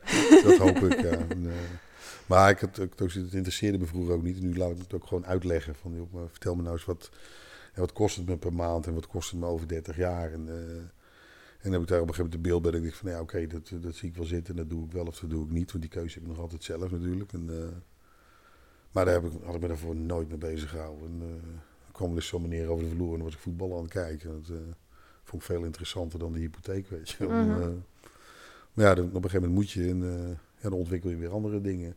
En dan blijkt het dat het helemaal niet eng is om de Nuon te bellen. Want, uh, want ik zit dan op een website te klikken en ik heb geen idee. En ik denk van, nou, laat ik ze eens bellen. En dan krijg je hele vriendelijke, behulpzame mensen aan de lijn... die jou aan alle kanten helpen en vertellen wat je nodig hebt en uh, waar je moet klikken. En ja, ik vind van die vergelijkingssite altijd wel fijn. Ja, dan, uh... nou ja, dat soort dingen. Ja. Uh, er gebeurt natuurlijk heel veel online. En, en het werk wat ik doe, zat ik uh, 15 jaar geleden, ik kreeg gewoon 170 telefoontjes per dag binnen. Ja, en vandaag krijg ik 170 e-mails per dag binnen. Dus Ja. de, hele, de hele kunst van het telefoneren, want dat is ook een vak apart. Dat is een beetje aan het uitsterven. En Ja, maar ik vind inderdaad zelf ook nog wel fijn om te bellen. Dan Ja. krijg je gewoon een persoon die Mhm. gewoon precies zegt... Want, want soms heb je zeg maar zoveel mailtjes, maar dan moet je daar weer inloggen. En dan ja, moet je- dan moet ik snap er doen. helemaal niks van. Dus Nee. dan heb ik liever inderdaad iemand die me Ja. telefonisch doorheen loopt. Nou, ik dus ook. Ja. Eh, nou, vroeger vond ik dat eng, weet je Alleen- moest je oh ja, oeh, weet je. Ja. dan, eh, Maar dan is het soms ook alweer dat ze de klantservice een beetje hebben verborgen op die site. Dus dan Ja. zit je echt een half uur Ja, moet je een telefoonnummer zoeken. Ja. Ja, klopt. Ja, die hebben ook liever dat je mailt. Ja. Dat, dat snap ik wel. Maar eh, ik vind het, eh, het blijkt heel fijn te zijn om gewoon even iemand op te bellen. En, eh, ja, dat, het zou vroeger in me opkomen. Eh, ja, ik kom nog uit de tijd, er waren er geen mobieltjes en er was er geen internet. Wat zegt u meneer? Er was geen internet. Weet je, is die tijd er ook geweest? Ja. Weet je wat ik tegenwoordig ook doe? Uh, heb je van die um, politieke partijen, zeg maar. Ja. En um, dan krijg je van die foldertjes door de brievenbus. Ja. En dan uh, mail ik ze van, uh, willen jullie misschien mij bellen om uit te leggen waar jullie voor staan? Ja. Want ik vind het dus fijn om gewoon een persoon te spreken die kan uitleggen waarom die voor die partij heeft gekozen, zeg maar. maar bellen ze dan ook? Ja. Echt? Nee, niet allemaal, maar uh, ja. Oh, en dan denk ik, nou, als je die moeite hebt genomen, dan krijg je ook eerder mijn stem. Ja. Oh, heel goed. ik wist niet eens dat dat kon. Ja, nee, dat heb ik zelf gewoon zo bedacht. Ja. ik dacht, ja, als ze echt zo graag mijn stem willen, mogen ze er ook wat voor doen. Ja, heel goed. Ja. Um, even kijken. Wat zijn jouw toekomstplannen in de muziek? Oh, dat is heel lastig. Mag trouwens ook niet in de muziek zijn. Nou, nee, muzikaal, ik heb niet, niet echt grote doelen of zo. Maar ik wil wel graag zo lang mogelijk blijven spelen. En, ik, ik, speel met mensen van allerlei leeftijden, dus ook met oudere mensen. En, uh, ja, die zijn dan uh, gepensioneerd en in de zeventig. Maar die zie ik nog wel steeds op Facebook voorbij komen. En vanmiddag speel ik hier in het bejaardenhuis. En, en morgen speel ik daar in een ouderencentrum. En uh, denk van ja, maar dat, dat zou ik ook wel willen op die leeftijd. Uh, dat dat gewoon nog kan. Want ik zit met een bandje en de jongens worden natuurlijk ook allemaal ouder. En we zijn met z'n vieren. Ik geloof de jongste is nu 44. De oudste is 54. Nou, en alles wat er tussenin zit. En ja, dan komen we wel eens op een studentenvereniging. Dan zijn we echt, echt hele oude lullen. En dan sta je eigenlijk voor je gevoel voor kinderen te spelen. Mijn mhm. kinderen zijn, zijn student. En, uh, dus ja, dat, voelt een beetje raar. En dan kijk ik elkaar ook wel eens aan van ja, hoe lang kunnen we dit nog doen? Maar vinden ze jullie dan wel leuk? Ja, zeker vinden oh, we het leuk. Jawel. Ja, het gek is, want we spelen echt best wel oude liedjes. Maar uh, kennelijk uh, ja, gaat goede mensen er toch, toch mee op of zo. En, want we spelen Siske de Rat en iedereen kent Siske de Rat. En iedereen zingt dat ook mee. En dan maakt niet uit wat voor leeftijd ze hebben. Maar we merken wel dat we zeg maar, wel een steeds ouder publiek trekken. Maar ik hoop wel dat dat ook zeg maar, doorgaat uh, als ik 70 ben. Dus ik zou het vervelend vinden als ik 70 ben en dat niet meer kan doen. Weet je, dat, ja. Uh, maar wil je op je 70 nog steeds voor studenten spelen? Nee, hoeft niet meer speciaal voor studenten. Maar, wel leuk. Maar ja, het is op zich wel leuk. Maar nog wel spelen, ja. ja, en, ja, ja en, kijk, want we komen bijvoorbeeld al, al 20 jaar op Smart Festival Utrecht. Al, al 20 jaar in Amersfoort. En ja, dat is ook iets dat gaat jaar in jaar uit gaat dat door. Het houdt een keer op natuurlijk. Mhm. Alleen ja, niemand weet wanneer. En, uh, dus het is ja, stoppen we dan als we 60 zijn of gaan we dan door? En, en, hoe gaan we dan door? En, uh, ja, daar wordt dus wel over nagedacht. En zo zijn wel oude lullen aan het worden wat dat betreft. Maar komen de optredensaanvragen best wel vanzelf? Of doen jullie heel veel moeite om optredens te krijgen? Nee, helemaal niet. Ja, dus dan gaat het ook gewoon vanzelf door. Ja, en dat is een beetje het punt bij het beentje ook. Als we wel moeite zouden doen, zouden we veel meer kunnen spelen. Ja. Want het is een heel makkelijk verhaal. En, uh, ja, we rijden ergens naartoe met één bus. We pakken uit en een half uur later kunnen we spelen. En... Uh, ja, alleen je zal er niet zo'n promotie moeten gaan doen. En wij zijn echt afhankelijk van... Oh, ik heb jullie daar en daar zien spelen. Kan ik jullie boeken? Tuurlijk je ons boeken. En, uh, ja, dat loopt... dat loopt door een jaar heen gewoon door. En, uh, ja. Oké. Okay. Dus je moet geen moeite doen om optredens te krijgen. Minder muzikanten nodig, meer publiek. Hè, wat bedoel je daarmee? En dat veel te veel mensen een instrument spelen en een beentje hebben. Daar moeten we mee stoppen. Ze moeten meer publiek hebben, minder muzikanten. Dan is er meer geld voor de mensen die al muzikant zijn. Ja. Daar moeten wij. Oh, dus, dus niet iedereen moet muzikant willen nee, worden? Nee, verkoop je gitaar. Voor alle luisteraars. Ja, stop ermee. Ja. Heb je wel eens aan tv-programma's meegedaan? Nee, ik heb er wel eens ingezeten, maar dat was... Uh, ja, is niet echt meedoen. Mm -hmm.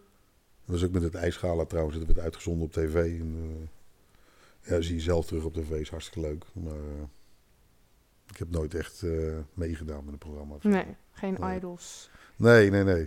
nee. Onze zanger wel. Die. Mee, ja, die deed mee met... Was het idols? Ja, volgens mij wel.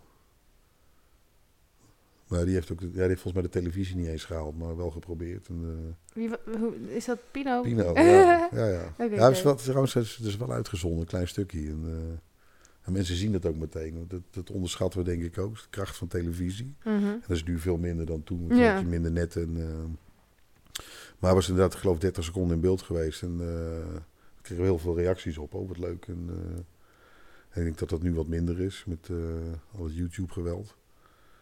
Want de mensen van jouw leeftijd die kijken geen televisie meer, geloof nee. ik. Hè? Nee, maar toch, als je er dan op bent, dan krijg je het... Nou, ik ben er nooit op geweest, maar bijvoorbeeld vandaag was ik bij een lokaal radiostation. Ja, lokale tv Nou, heb ik wel gedaan. Niemand luistert volgens mij nog naar een lokaal Ja, radiostation. daar vergis je je. Ja? Ja, Oh. Nou ja, in ieder geval, dat Ja. dacht ik dan. Sorry. en dan zet ik zo'n berichtje op social media. Ja, ik ben op de radio. En dan is iedereen, oh, wat goed. En dan Ja. denk ik van, hm, maar je kan me ook gewoon op Spotify luisteren, hoor, weet je. ja, ja, ja. Nou, het gekke is, want ik wist dat ook niet. Nee. Eh, we hebben met Springend Wild ja, een poosje geleden een reunieconcert gedaan. Ja. En eh, een ex-vriendin van mij die werkt bij Omroep Gelderland. En die hoorde dat. Ze zei, oh wat leuk, maar komen jullie dan een keer in de uitzending? En, eh, en dan denk je, Omroep Gelderland, het zal wel. En, eh, dus wij daarheen, s ochtends vroeg, een spulletje neergezet, kregen we een interviewtje. En, eh, Peter Koelewijn belde nog in om er even oude verhalen op te halen. En we hebben twee liedjes gespeeld. En ik zeg na afloop van, eh, nou hartstikke leuk, dankjewel. En uh, ja, ik zeg, uh, we hebben hier, we hebben hier de feed en dit zijn de reacties. En iedereen vindt het hartstikke leuk. Ik zeg, maar hoeveel mensen luisteren eigenlijk? Ja, 200.000 tot 300.000. Ik zeg, wat?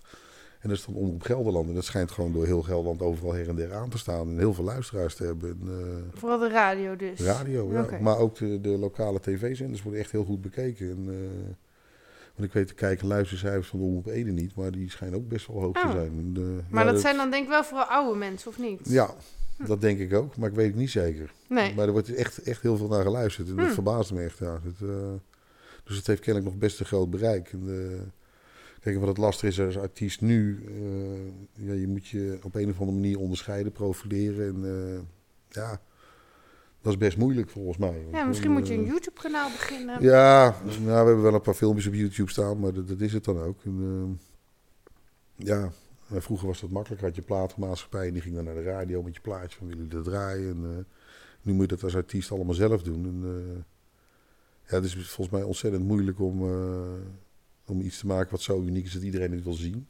Ja, dat is misschien nog niet eens het moeilijkste. Op het moment dat je het gemaakt hebt om het aan de man te brengen. Ja. Weet je, van, uh, hoe zorg ik voor, voor uh, hoe noem je dat? Kliks noemen jullie dat geloof ik. Uh, hoe zorg ik voor zoveel mogelijk volgers. En, uh, want ja, ik, heb, ik zie mensen die hebben heel veel volgers waarvan ik niet begrijp waarom mensen er naar zitten te kijken. En ik zie dingen die hebben heel weinig volgers waarvan ik denk van wauw, dit is fantastisch. Ja. ja, maar er zit ook nog... eh, Je kan ook gewoon volgers kopen. En, ja, ja, eh, dat soort dingen, weet je. Maar dat En, vinden, eh, we- ik snap het ook allemaal niet. Nee, maar dan denk ik En van- dan moet je weer geld stoppen in advertenties. Ja. Maar dan denk ik, ja, hoe weet je dan zeker dat je dat terug gaat krijgen? Ja, ja, dat soort dingen, ja. En. Er zijn mensen die zijn er hartstikke handig mee. En, ja, die gun ik het ook van harte. Maar ja, ik kom uit de tijd, had je een eh, liefst op school. En dan ging je spelen en dan vonden mensen vonden je leuk. En dan kon je hier eens op een feestje, daar eens op een feestje. En dan kwam er vervolgens wel eens een keer een kroeg die zei van... hé, hey, komen jullie spelen en eh, je krijgt geld. Wat? We krijgen we geld. En dan, dan, ja, dan, gaan, dan ontwikkelt dat en dan lopen tegen wat mensen aan. En eh, ja, voor je het weet heb je een platencontract. Nou, dan, dan ben je er, denk je dan. Ja. En tegenwoordig is dat heel anders. Want ja, je hebt niet echt meer een platenmaatschappij die dat voor jou regelt. En, eh, dus ja, dus ik zoek het zelf maar uit. En ja, er zijn mensen die zijn er heel handig in. En, ik vind het... ja, je hebt, in Ede heb je, bij Astrand hebben ze daar workshops voor zelfs. Van hoe krijg ik meer optredens? Hoe zorg ik dat ik volgers krijg? Hoe, hoe, hoe bouw ik een fanbase op? En, eh, ja, dat was in, in mijn jeugd was het allemaal heel anders. Weet je. ja, Dat, maar eh, toch, eh, bij jullie werkt het nog steeds. Als je optreedt, krijg je mensen die je boeken. Ja, zien spelen doet spelen. En ja, en ik denk ook van... dus ik denk dat uiteindelijk optreden belangrijker is dan, dan die volgers, zeg maar. Want, want dan gaan mensen je vanzelf ook filmen en alles. Ja, nee, dat klopt. De, we hebben het twee, drie weken geleden gespeeld vent die al zes jaar geleden gezien in de kroeg in Utrecht. Ja. Oh, dat is leuk voor mijn moeder. dus ja, dat was dan een beetje het winderen ervan. Maar die had ons ingehuurd voor zijn moeder, want die was, eh, was hertrouwd. En dat was de vijfjarige bruiloftsfeest. En, eh, en dan sta je in Breukelenveen in een van de strandpaviljoen voor 40 mensen. En, eh, en dat werd echt dik betaald. En ik zei, Nou, leuk toch? Ja, was hartstikke, was toch een leuke avond ook. Ja. Maar dan zit je ook van tevoren te kijken, hoe zijn we nu weer beland? Ja. Ehm, ik denk dat het dan dat platencontract was of die... eh eh, wat zei nou, dat van dat ijs optreden. Ja. Maar mijn vraag is, waar ben je het meest trots op? Maar het kan natuurlijk ook iets heel anders zijn. Bijvoorbeeld je neus of zo. Neus, ja. ja. Dat is echt mijn, eh, mijn speerpunt. Is dat, ja.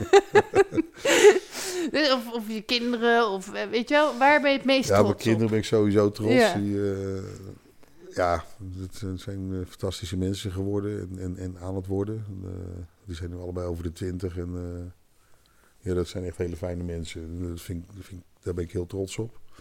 Maar ja, dat zal iedereen over zijn eigen kinderen zeggen, weet je. Dat, eh, Nou, ik denk dat, eh, dat je het ook behoorlijk kan verpesten hoor. Jawel, een beetje normale mensen zijn trots op hun kinderen. Ja. Ik kan me niet, niet anders voorstellen. En, ja, waar ik zelf dan het meest trots op ben, dat weet ik eigenlijk niet.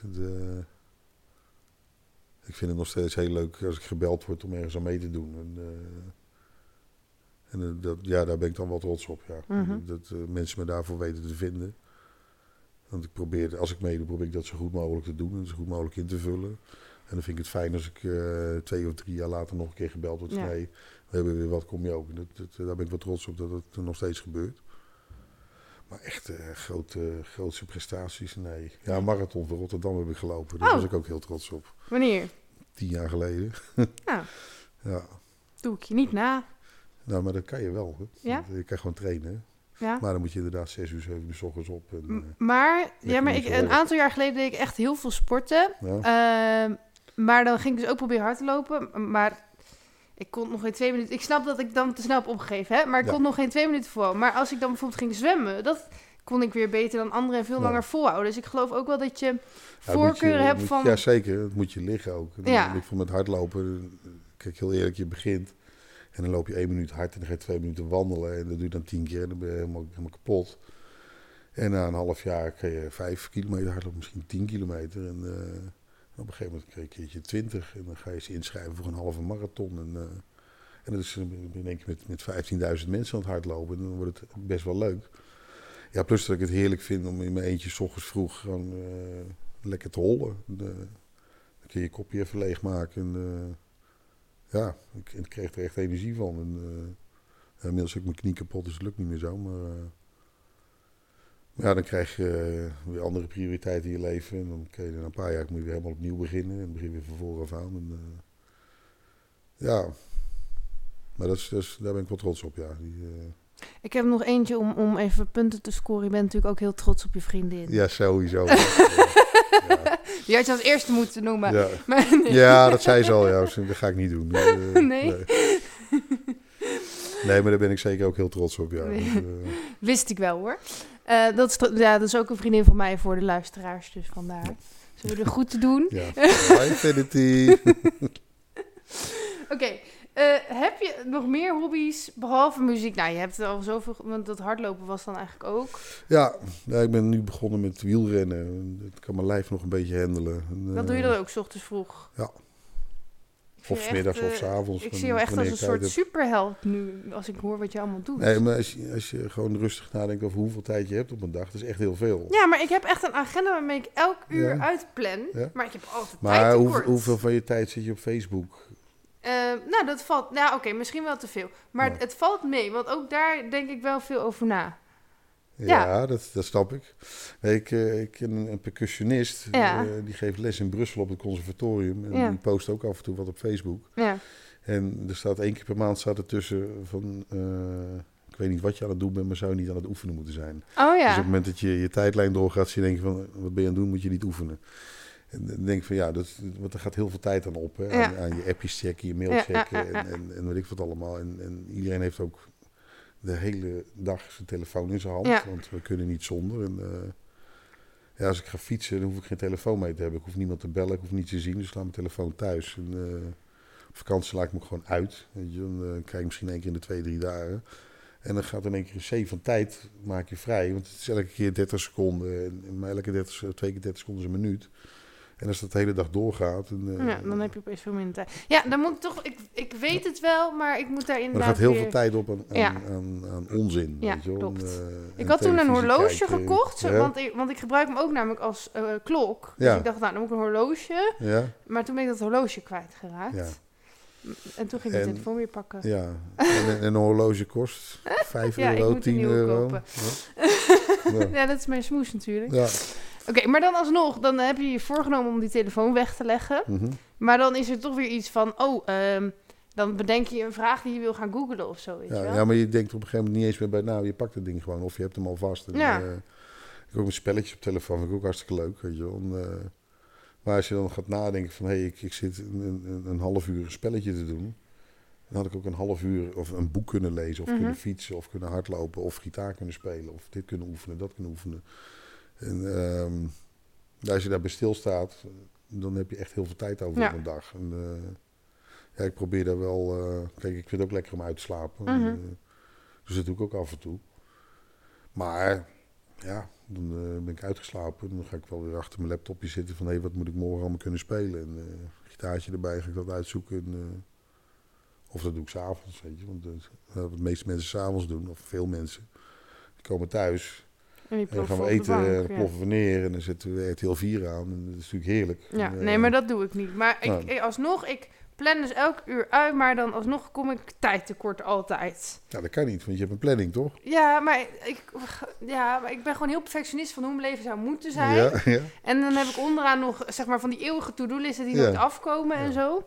Maar goed, Dat is ook niet, erg. ik zal niet veel klagen. Nee, dat, is- dat is ook niet erg. Ja, want als je het to-do-list helemaal af zou zijn, dan, dan kan je net zo goed heb je niks meer te doen. Ja. Ja. dat is ook vervelend. Ehm, hoeveel tijd heb je nog nu? Tot aan mijn dood.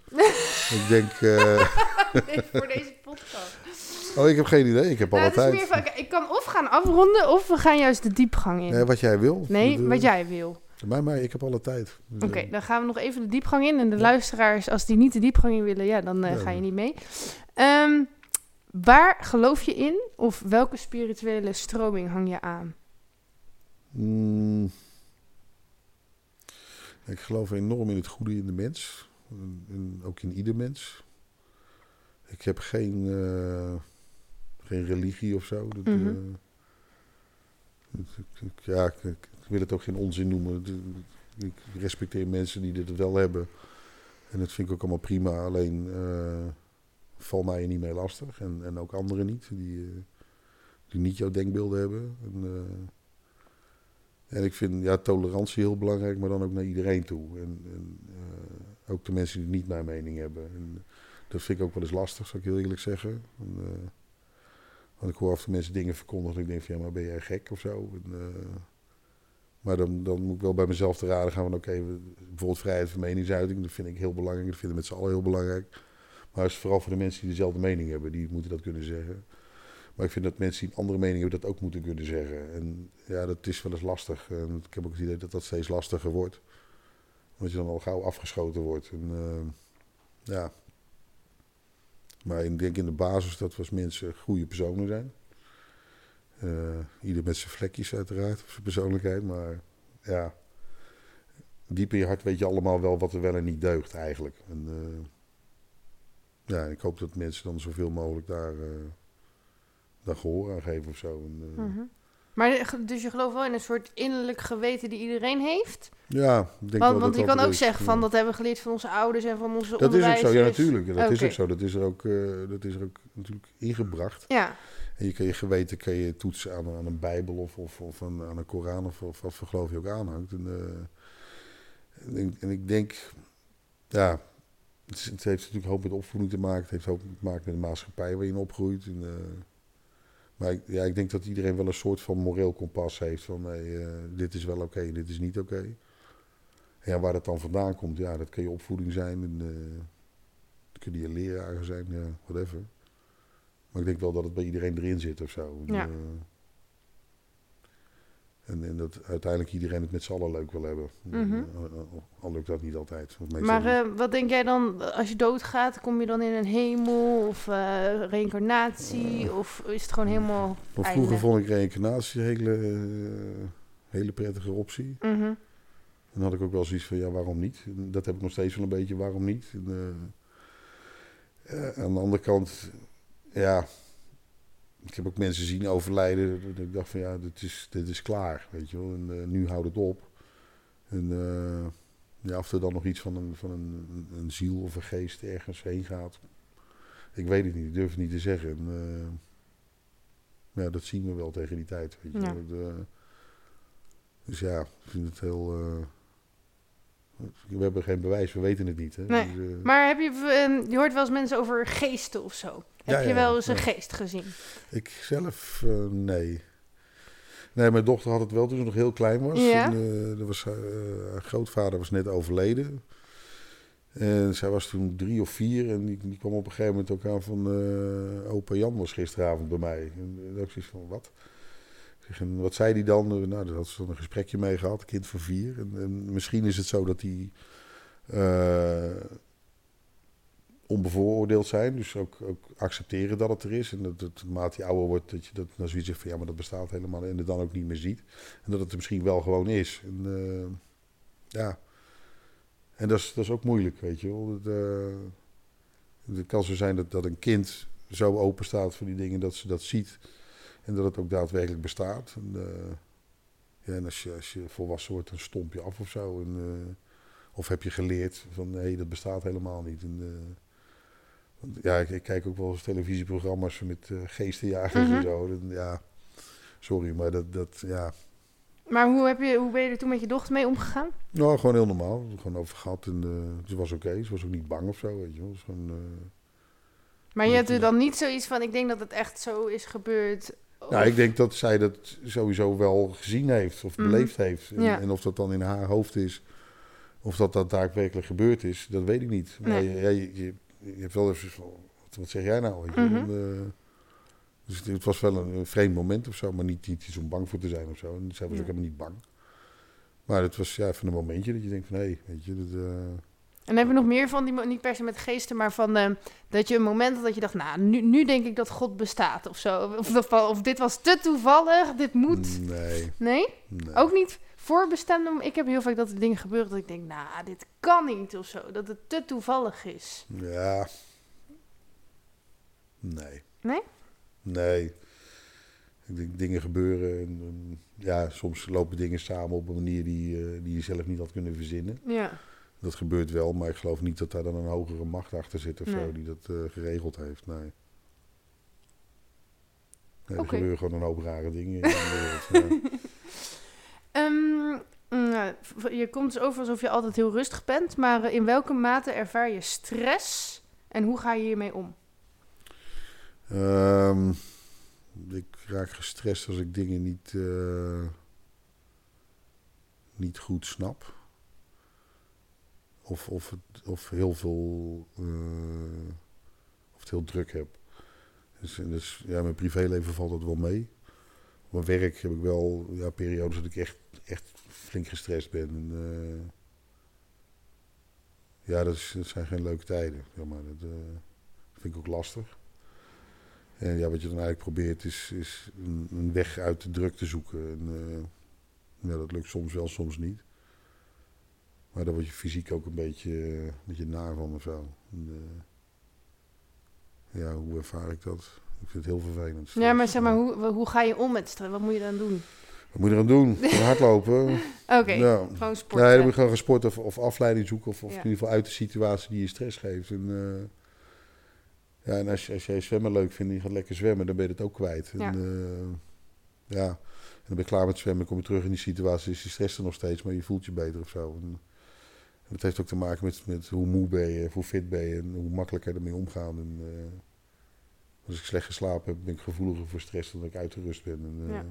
kan ik dingen makkelijker aan de kant schuiven. En, uh, en soms ga je zelf echt lopen focussen op, op, op hetgene wat je stress geeft. En, ja, het enige wat eigenlijk helpt is zeg maar, ja, uit de situatie gaan, voor zover mogelijk. En gewoon wat anders gaan doen. En denken van oké, okay, morgen is er weer een dag. En, dan kunnen we daar wel verder kijken. En is er morgen geen nieuwe dag, is het ook opgelost. Weet je. De, plus dat de meeste problemen die ja, zijn eigenlijk niet, niet waard om er gestrest van te worden. Maar nee, maar je hebt er niet altijd controle nee, over. zeker. Weet je, dan raak je toch gestrest. Ja. Terwijl als je daar een maand later of, of, of een jaar later op terugkijkt, dan denk je van ja. Wat heb ik me druk te maken? Maak je druk over, weet je. Dat, uh, ja. Mm. Maar dat is op dat moment zelf best wel moeilijk om dat besef even te hebben van joh, zit je druk te maken over dingen die eigenlijk, uh, weet je, er is niemand dood of zo. Weet je. Nee. Dat, en als je daar druk om maakt, helpt ook niet. Maar, nee, dat maar daar mag niet. je dan nee. wel even verdrietig ja. over zijn, ja. zeg maar. Um, hoe, je hebt dus een relatie. Ja, heb hoe ik, ja. combineer je een goede relatie met het leven wat jij leidt? Ja, dat is wel eens lastig. Um, Ja, ik ben natuurlijk veel weg. Uh, overdag werk ik en, en s'avonds repeteer ik of ik kan spelen. En, uh, maar we hebben ja, wel onze, onze vaste dingetjes. Als ik, woensdagavond moet ik repeteren vrij vroeg. Dan ga ik gezellig bij mijn vriendinnetje eten. En dan kom ik na de repetitie daar naartoe en blijf logeren. Ehm, of ze komt bij mij logeren. En eh, ja, het belangrijkste is om gewoon ook samen eh, leuke dingen te blijven doen. En, en vooral samen te blijven doen. Dus eh, ja, als, er wat te doen is, ergens een concertje of zo. En ik heb tijd om te gaan, dan ga je er met z'n tweetjes heen. En, eh, een samen het eten. Maar de lulligste dingen. Maar het is wel heel belangrijk om, om op de momenten dat het kan, om dan ook dingen samen te blijven doen. En, eh, kijk, want bijvoorbeeld als ik een uurtje wil gaan fietsen of twee uur wil gaan fietsen, dan gaat ze niet mee, weet je. Maar dan is het wel fijn als ik na twee uur fietsen, gewoon ook weer terugkom en, eh, en de rest van de dag op die manier doorbreng. En, uit toevallig is dit weekend een beetje slecht voorbeeld. Ik moet morgenavond spelen en zondagmiddag. En, eh, maar dan kom ik zondagavond kom ik wel braaf daarheen. En, uh, en ik gewoon Nou, braaf klinkt ook weer alsof ja, ja, het moet ja, of zo. Ja, ja, zo bedoel ik het niet. Maar eh, nee, maar dan heb je in ieder geval de zondagavond met z'n tweetjes. weet Ja. je, En, ja, veel seks, ook belangrijk. Hè? Mhm. Dan, eh, dan houdt het langste vol, denk ik. Ja, Oké, dus dat is de gouden tip. ja sowieso. Tijd en seks. Ja, wat je ook doet, blijven neuken. Ja. Sorry, luisteraars. Volgende vraag is: wat geeft jouw leven zin? Waar haal je de zin uit? Nee, nou. nee, ik, zeg- ik denk gewoon in, in de dingen doen die je leuk vindt met de mensen die je, die je leuk vindt. En ehm, ja, daar zoveel mogelijk van doen. En, eh, ja, ik, ik probeer wel elke dag, eh, van het eind van de dag wel het gevoel te hebben van nee, dit was een, was een, was een leuke dag en eh, was een zinvolle dag en ik heb het naar mijn zin gehad. En, eh, ja. En de mensen om me heen hebben het ook naar hun zin gehad met, met mijn aanwezigheid. eh. en dat, dat is voor mij zin geven aan, mijn- aan mijn leven. Dat ik, ja, dat ik niet, niet ja, een beetje stil zit en niks doe of zo. Dat vind ik echt vreselijk. Dat, dat kun je je hele leven nog doen als je oud bent, weet je. Mhm. Echt oud. Mhm. Want dat valt me wel eens op. Dat, ik ben dan 52, maar ik ken ook mensen van 52. Die zien er ook uit als 52. En ik voel me helemaal geen 52. En, eh, nou, ik ben het natuurlijk wel. Maar ik kijk wel eens om me heen en dan zie ik mijn leeftijdsgenoten en denk van, joh, jullie worden oud. Weet je. En, ja, ik denk op het moment dat je, dat je stopt met zin geven aan je dag en gewoon zoiets Mhm. van, nou ja, ik ken me maar door, dan heeft het ook niet zoveel zin. Eh, Nee. nou, Maar dat is eigenlijk de volgende vraag: moet het leven zin hebben? Nou, ja, een beetje wel. Ja. Ja. En niet elke dag hoeft, eh, hoeft kermis te zijn, weet je. Maar ja, er moet wel wat beweging in zitten. Waarom? zo. Eh, ja, wat, wat ga je anders doen dag, weet je? De- je kan ook zeggen van ja, ik ben geboren en eh, dat was het. Maar ja. waarom zou je dat op die manier invullen? Terwijl je zoveel leuke dingen kunt doen. Mhm. Er zijn echt heel veel leuke dingen te doen. En, Ja. en, en sterker nog, daar kun je ook zelf een rol in spelen in het leuk maken van dingen. En, Ja. ook voor anderen. Dus ja, het hoeft voor mij niet. Hè. Als je Mhm. er niet goed bij voelt, moet je het vooral niet doen. maar ja, ik Het is een beetje veel, zonde eh, van hoe groot de wereld is. Ja, zeg maar. weet je, eh, er, zijn, er zijn zoveel leuke en mooie dingen te doen. eh. Ja. Kijk, je kan niet eens, zeg maar, als je al zou je willen, je kan niet de hele wereld zien, maar ja, probeer er zoveel mogelijk van te zien. Mhm. Al is het maar in je eigen omgeving, dat is al... eh, Ehm, Oké, Ho- hoe kies je wat je wel en niet doet? Ik heb nu een paar vragen trouwens overgeslagen, omdat het anders wel een heel lang gesprek werd. mhm, ja. Ehm, nou, ik moet zeggen, ik heb na de corona heb ik eigenlijk ja gezegd op alles. En, eh, want ik had het hele spelen heb ik echt gewoon gemist. En daar heb ik misschien een klein beetje in doorgeslagen door eh, ja, gewoon niet eerst van tevoren na te denken van hey, vind ik dit eigenlijk wel leuk. En, eh, en dat probeer ik nu een beetje af te remmen, zeg maar. En, eerst even te vragen van hé, waar moet ik eigenlijk heen en met wie zijn we en wat gaan we doen. En, eh, ja, Kom je opeens En, bij eh, een balletclub in ja, de ja, het kan heel leuk zijn, weet je wel. Maar ik, ik, ik denk nu wel meer na over van, wat eh, ga ik dit leuk vinden? Ja. En, en niet zomaar van, ja, ik ben er. En, en dan zit ik een avond dat ik denk van, ja, ik heb hier eigenlijk helemaal geen zin in, weet je wel. Dat, maar dat weet je vaak pas als je ermee bezig bent. Ja, dat is wel zo. Ja. Dus ja, hoe bepaal ik wat ik doe? Geen idee. Meestal is het gewoon ja. Ja, meestal gewoon doen. En eh, als ik het niet leuk vind, doe ik het geen tweede keer, weet je. Eh, Oké. ja. Ehm, waar geloof je meer in? Alles gaat vanzelf? Of ik moet overal heel hard voor werken? Ik denk dat je. eh, ja, heel hard is misschien wat overdreven, maar ik geloof niet dat alles vanzelf gaat. Nee, Nee. nee je moet wel zelf op uit en, en, en dingen in gang zetten of zo. En, is een mooie reclame van, je moet zelf de slingers ophangen. Mhm. Het leven is een feest. En, eh, ja, je moet, daar moet je wel wat voor doen, ja. Ja. Het gaat echt niet vanzelf, nee. Nee. Nee. Dus Nou, wel meer hard werken. Ja, je moet niet heel hard werken. nee, want dan, dan Nee, je je moet- jezelf weer uit. Ja, maar je moet er wel op uit en, en ja, dingen doen, weet je wel. En, eh, Nee, maar dit is bij mij echt wel een vakken, omdat dus ik eh, heb tijden gehad dat ik eh, zeg maar erg lui was en maar wachten tot het aan kwam waaien. Nou, dat Mhm. Werkt niet. nee, dat werkt zeker niet. Nee. Maar toen op een Nee, gegeven maar het moment, is wel goed om het een keer te proberen. Ja, Maar op- hetzelfde geld werkt het wel. Ja. op een gegeven moment ging ik dus zo hard werken dat ik helemaal instortte, zeg Ja. maar. Dus, dus dat is altijd wel een lastige balans. Balans is heel belangrijk. Ja. De, kijk, want er is niks mis mee om, om eh, op een gegeven moment te zeggen twee of drie maanden. Ik heb even nergens zin in. Prima, weet je wel. En, eh, ja, als je daarna weer dingen in gang wil zetten, ja, dan moet je van de bank af. Ja, maar doe je wel eens drie maanden niks? Ja, geen drie maanden, dat kan ik niet meer. Nee, hè? Nee, maar ik heb, ik heb in het verleden wel eens in de WW gezeten. En, eh, dat vond ik drie maanden leuk. En eh, na drie maanden eh, komen de muren op je af. En dan moet je weer dingen gaan doen. En dan, dan op het moment dat je dingen gaat doen, gebeuren er ook dingen. En, en ik geloof wel dat op het moment dat je bezig bent, dat er dingen vanzelf op je afkomen. Of, Ja. of, en, en dan kun je zeggen, gaat het dan vanzelf of heb je dat zelf aangewakkerd of, of, of begonnen. Hè? En, eh, maar dan gebeurt er in ieder geval wat. En dan kun je altijd nog kiezen van, hé, hey, dit komt voorbij, dat komt voorbij, dit ga ik wel doen, dit ga ik niet doen. En, eh, maar als je ja, een tijdje wil dat er niks gebeurt, ook goed, hè? Dan, Mhm. eh, ja, waarom niet? Oké. Ehm, ik heb hier een vraag, maar ik bedenk me nu dat het misschien ook wel persoonlijk kan zijn. Ja, kan. Misschien moet je het eerst even lezen. Dit. Mag ik dat vragen? Ja, mag je wel Oké. Nou, ehm, je bent dus autistisch. ja. licht autistisch. Ja. hoor. Ik ook, even voor de duidelijkheid. Hoe zorg jij er dan voor dat je niet overprikkeld raakt? Want ik hoor nergens terug eigenlijk dat jij autistisch bent. Nee, en, eh, in mijn jeugd bestond dat ook niet. Eh, dan kennen we dat helemaal niet, Mhm. autistisch. En, eh, ik kon wel vreselijk goed rekenen en heel goed onthouden. En eh, daar heb ik nog steeds elke dag plezier van. Maar ik heb er nooit ehm, last van gehad of hinder van ondervonden of zo. En, eh, als ik zeg maar in mijn familie kijk en, en, en, eh, terugkijk, dan heb ik wel het idee dat zeg maar aan mijn vaders kant het, het hele spul autistisch is. Of geweest, er zijn er een paar dood. Maar, Mhm.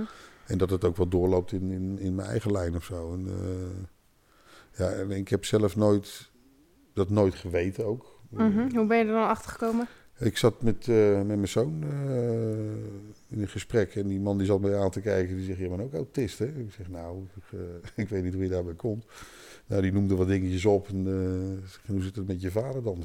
Die noemde ook wat dingetjes op. En ik zeg, ja, heb je misschien wel een punt. En, alleen ja, in- in- toen ik jong was bestond dat helemaal niet. Hetzelfde Maar je, hebt nooit, of je bent nooit onderzocht. Nee. nee. Oh, misschien het dan wel helemaal niet. Mm, dat weet ik niet. Eh, nee. Nee, het, het, vroeger ik was eh, op de lagere school was ik eh, heel goed met rekenen, taal en, en, en dat soort dingen. En dan ging alles nou ja, vanzelf. Hè. Mhm. En dan kom je op de middelbare school en dan moet je in één keer wel aan het werk of niet. Kan je even kiezen. En als je niks doet, dan haal je zes, weet je wel. En, dus dan word je klassieke underachiever, noemen ze dat. En, dus op die manier heb ik ook mijn VWO gedaan. maar dus op het moment dat, dat zo'n man erover begint te praten met je, dan gaan- vallen er wel muntjes op een plaats. Dus ik van, oh ja, oké. En, eh, ja. Alleen ja, wij kenden dat niet als, als, eh, als autisme. Dat, dat was nog niet uitgevonden. Weet je. Mhm. Het bestond natuurlijk al wel, maar er was geen naam voor. En, eh, Maar waaraan merk je, waarin heb je er nu nog last van? Want je klinkt ook niet alsof je vaak overprikkeld bent. Of nee, overigens niet, maar ik heb best wel moeite met sociale contacten leggen. Dat vind ik echt moeilijk. Eh, het uitzicht dan in verlegenheid. En eh, als er een biertje in gaat, gaat het wat makkelijker. Weet Ja, je. maar Dat, nu, eh, ja, hoeveel bier heb je nu op? twee en een glaasje champagne. Het is Oh. vandaag mijn laatste werkdag. Oké, dus, vandaar dat je makkelijk... Nee, nee, nee. Dus, dus het, het gaat me sowieso wel wat beter af. En, je vindt ook, dat zou je ook weten, je vindt mechaniek om eromheen te werken. Of, of om, dat je weet dat als je iemand een hand geeft, dat je hem even aankijkt en zo. Dat, allemaal dat soort eh, ja, toestandjes, zeg maar. Dus, eh, maar het is allemaal, eh, ja, het zit me niet in de weg of zo. Nee, ik zie geen autisme bij jou. nee. Mm. ja, ik ga denk ik nog drie vragen doen. Ja. Omschrijf de Lennart van ooit in een dieptepunt. Ik weet niet of die bestaat. Eh, en de Lennart van nu. En wat heb je daarin geleerd, zeg maar? Mijn hele leven is een flatline. En, eh, nee. nee, echt, echt een dieptepunt heb ik volgens mij nooit, nooit gehad. Nee. Eh, ik kan, kan me echt niet heugen dat ik... Dat ik Oké, maar dan meer van... Het gaat dus niet per se om je allerdiepste put. Maar nee, meer maar- van wat heeft de Lennart van nu geleerd... wat je aan je jongeren zelf zou kunnen meegeven, zeg maar. Ja, dat, ik denk dat ik geleerd heb dat, eh, dat je niet alles even serieus hoeft te nemen. En dat niet alles wat vandaag belangrijk is, morgen ook nog belangrijk is. En wat niet betekent dat je er dan maar overal overheen moet stappen. En dingen die nu belangrijk zijn, kunnen ook daadwerkelijk belangrijk zijn. Maar je hoeft niet overal over in te zitten. En, eh, of, of vooral op voorhand je zorgen maken over dingen ze nog wel of niet gaan gebeuren. En, eh, dat heb ik vroeger wel altijd gehad, dat ik van tevoren al hele scenario's in mijn hoofd had van, oh, en als het misgaat, dan gebeurt dit, gebeurt dat. Terwijl, hè, dus een voorbeeldje met de Nuon bellen, dan zit ik al van, oh, en dan krijg ik iemand een lijn en die gaat me dit vragen en dan weet ik niet gewoon dat. En dan ga je bellen en dan heb je gewoon een heel prettig gesprek en, en wordt het allemaal voor je geregeld. En alleen het hele traject daarvoor is zo zonde van je energie. Ja. En, eh, maar dat, dat, ja, dat zit nog steeds wel een beetje in me. Dat, eh, van, van die wat, wat als eh, ja, scenario's eigenlijk. Weet Ja. je. En, eh, oh jee, en als ik. eh, en in mijn werk had ik dat ook. dan moet je een klant gaan bellen met eh, ja, slecht nieuws. Of ja, wat dan slecht nieuws is, wat eigenlijk helemaal geen slecht nieuws is, maar het, zit, het gaat even anders dan je Mhm. verwacht had. En dan zit ik van tevoren van, oh, en dan wordt hij boos, dan gaat hij dit zeggen, die dat zeggen. En, en dan bel je op en dan zegt ze van, oh ja, snap ik. En dan ben ik ergens ook nog een beetje teleurgesteld of zo. Want, ik had het allemaal al in mijn hoofd klaar van wat ik zou, hoe ik ga reageren. En die klant zegt oh, oké. ja, dat is ook frustrerend, weet je. wel. Mhm. Ik, denk van, eh, maar ik had het toch allemaal bedacht. En, ja. Ja, dat een beetje. Dus eh, niet te veel doemscenario's uitdenken. Ja. Maar aan de andere kant is ook wel weer, als je ze wel uitdenkt, dan weet je wel wat je moet doen als het echt gebeurt. En dan, Ja. en dan zie je ook dat je niet doodgaat. Dat klopt, maar dat, dat weet ik nu ook. Maar dat had ik vroeger ook wel willen weten. Dat je, dat je gewoon wat meer eh, dingen spontaan doet zonder er eerst over na te denken. Gewoon, eh, ja, wat als, wat, als dit, wat als dat? Nee, gewoon, boem, we doen het en dan zien we het wel. En, Ja. want ik heb wel geleerd dat je beter spijt kan hebben van de dingen die je hebt gedaan... dan de dingen die je niet hebt gedaan. Ja, En, ja. eh, dat, dat soort eh, tegeltjes wijsheden zou ik mee willen geven. ja. Oké. hey, dan gaan we naar de allerlaatste vraag. Eh, als mensen nu dit hebben geluisterd Mhm. en die denken van, ehm, ik heb een Lennart nodig. Misschien als muzikant, misschien omdat ze Ja. nog meer met je willen praten. Bel me, ik zeg ja op alles. Oké, maar ehm, ga je dan hier je telefoonnummer nu zeggen? Het is meer van, hoe kunnen mensen jou vinden? En dan ga ik naar de uitknop lopen. Ja, dat is goed. Nou, ik sta op Facebook. Ik, eh, en dat is het een beetje met mijn socials. Telefoonnummer weet ik ook niet uit mijn hoofd. Ik bel mezelf ook nooit. Eh, Maar wat is je Facebookpagina? Lennart Blokland, facebook.nl of zo heet het tegenwoordig. ja?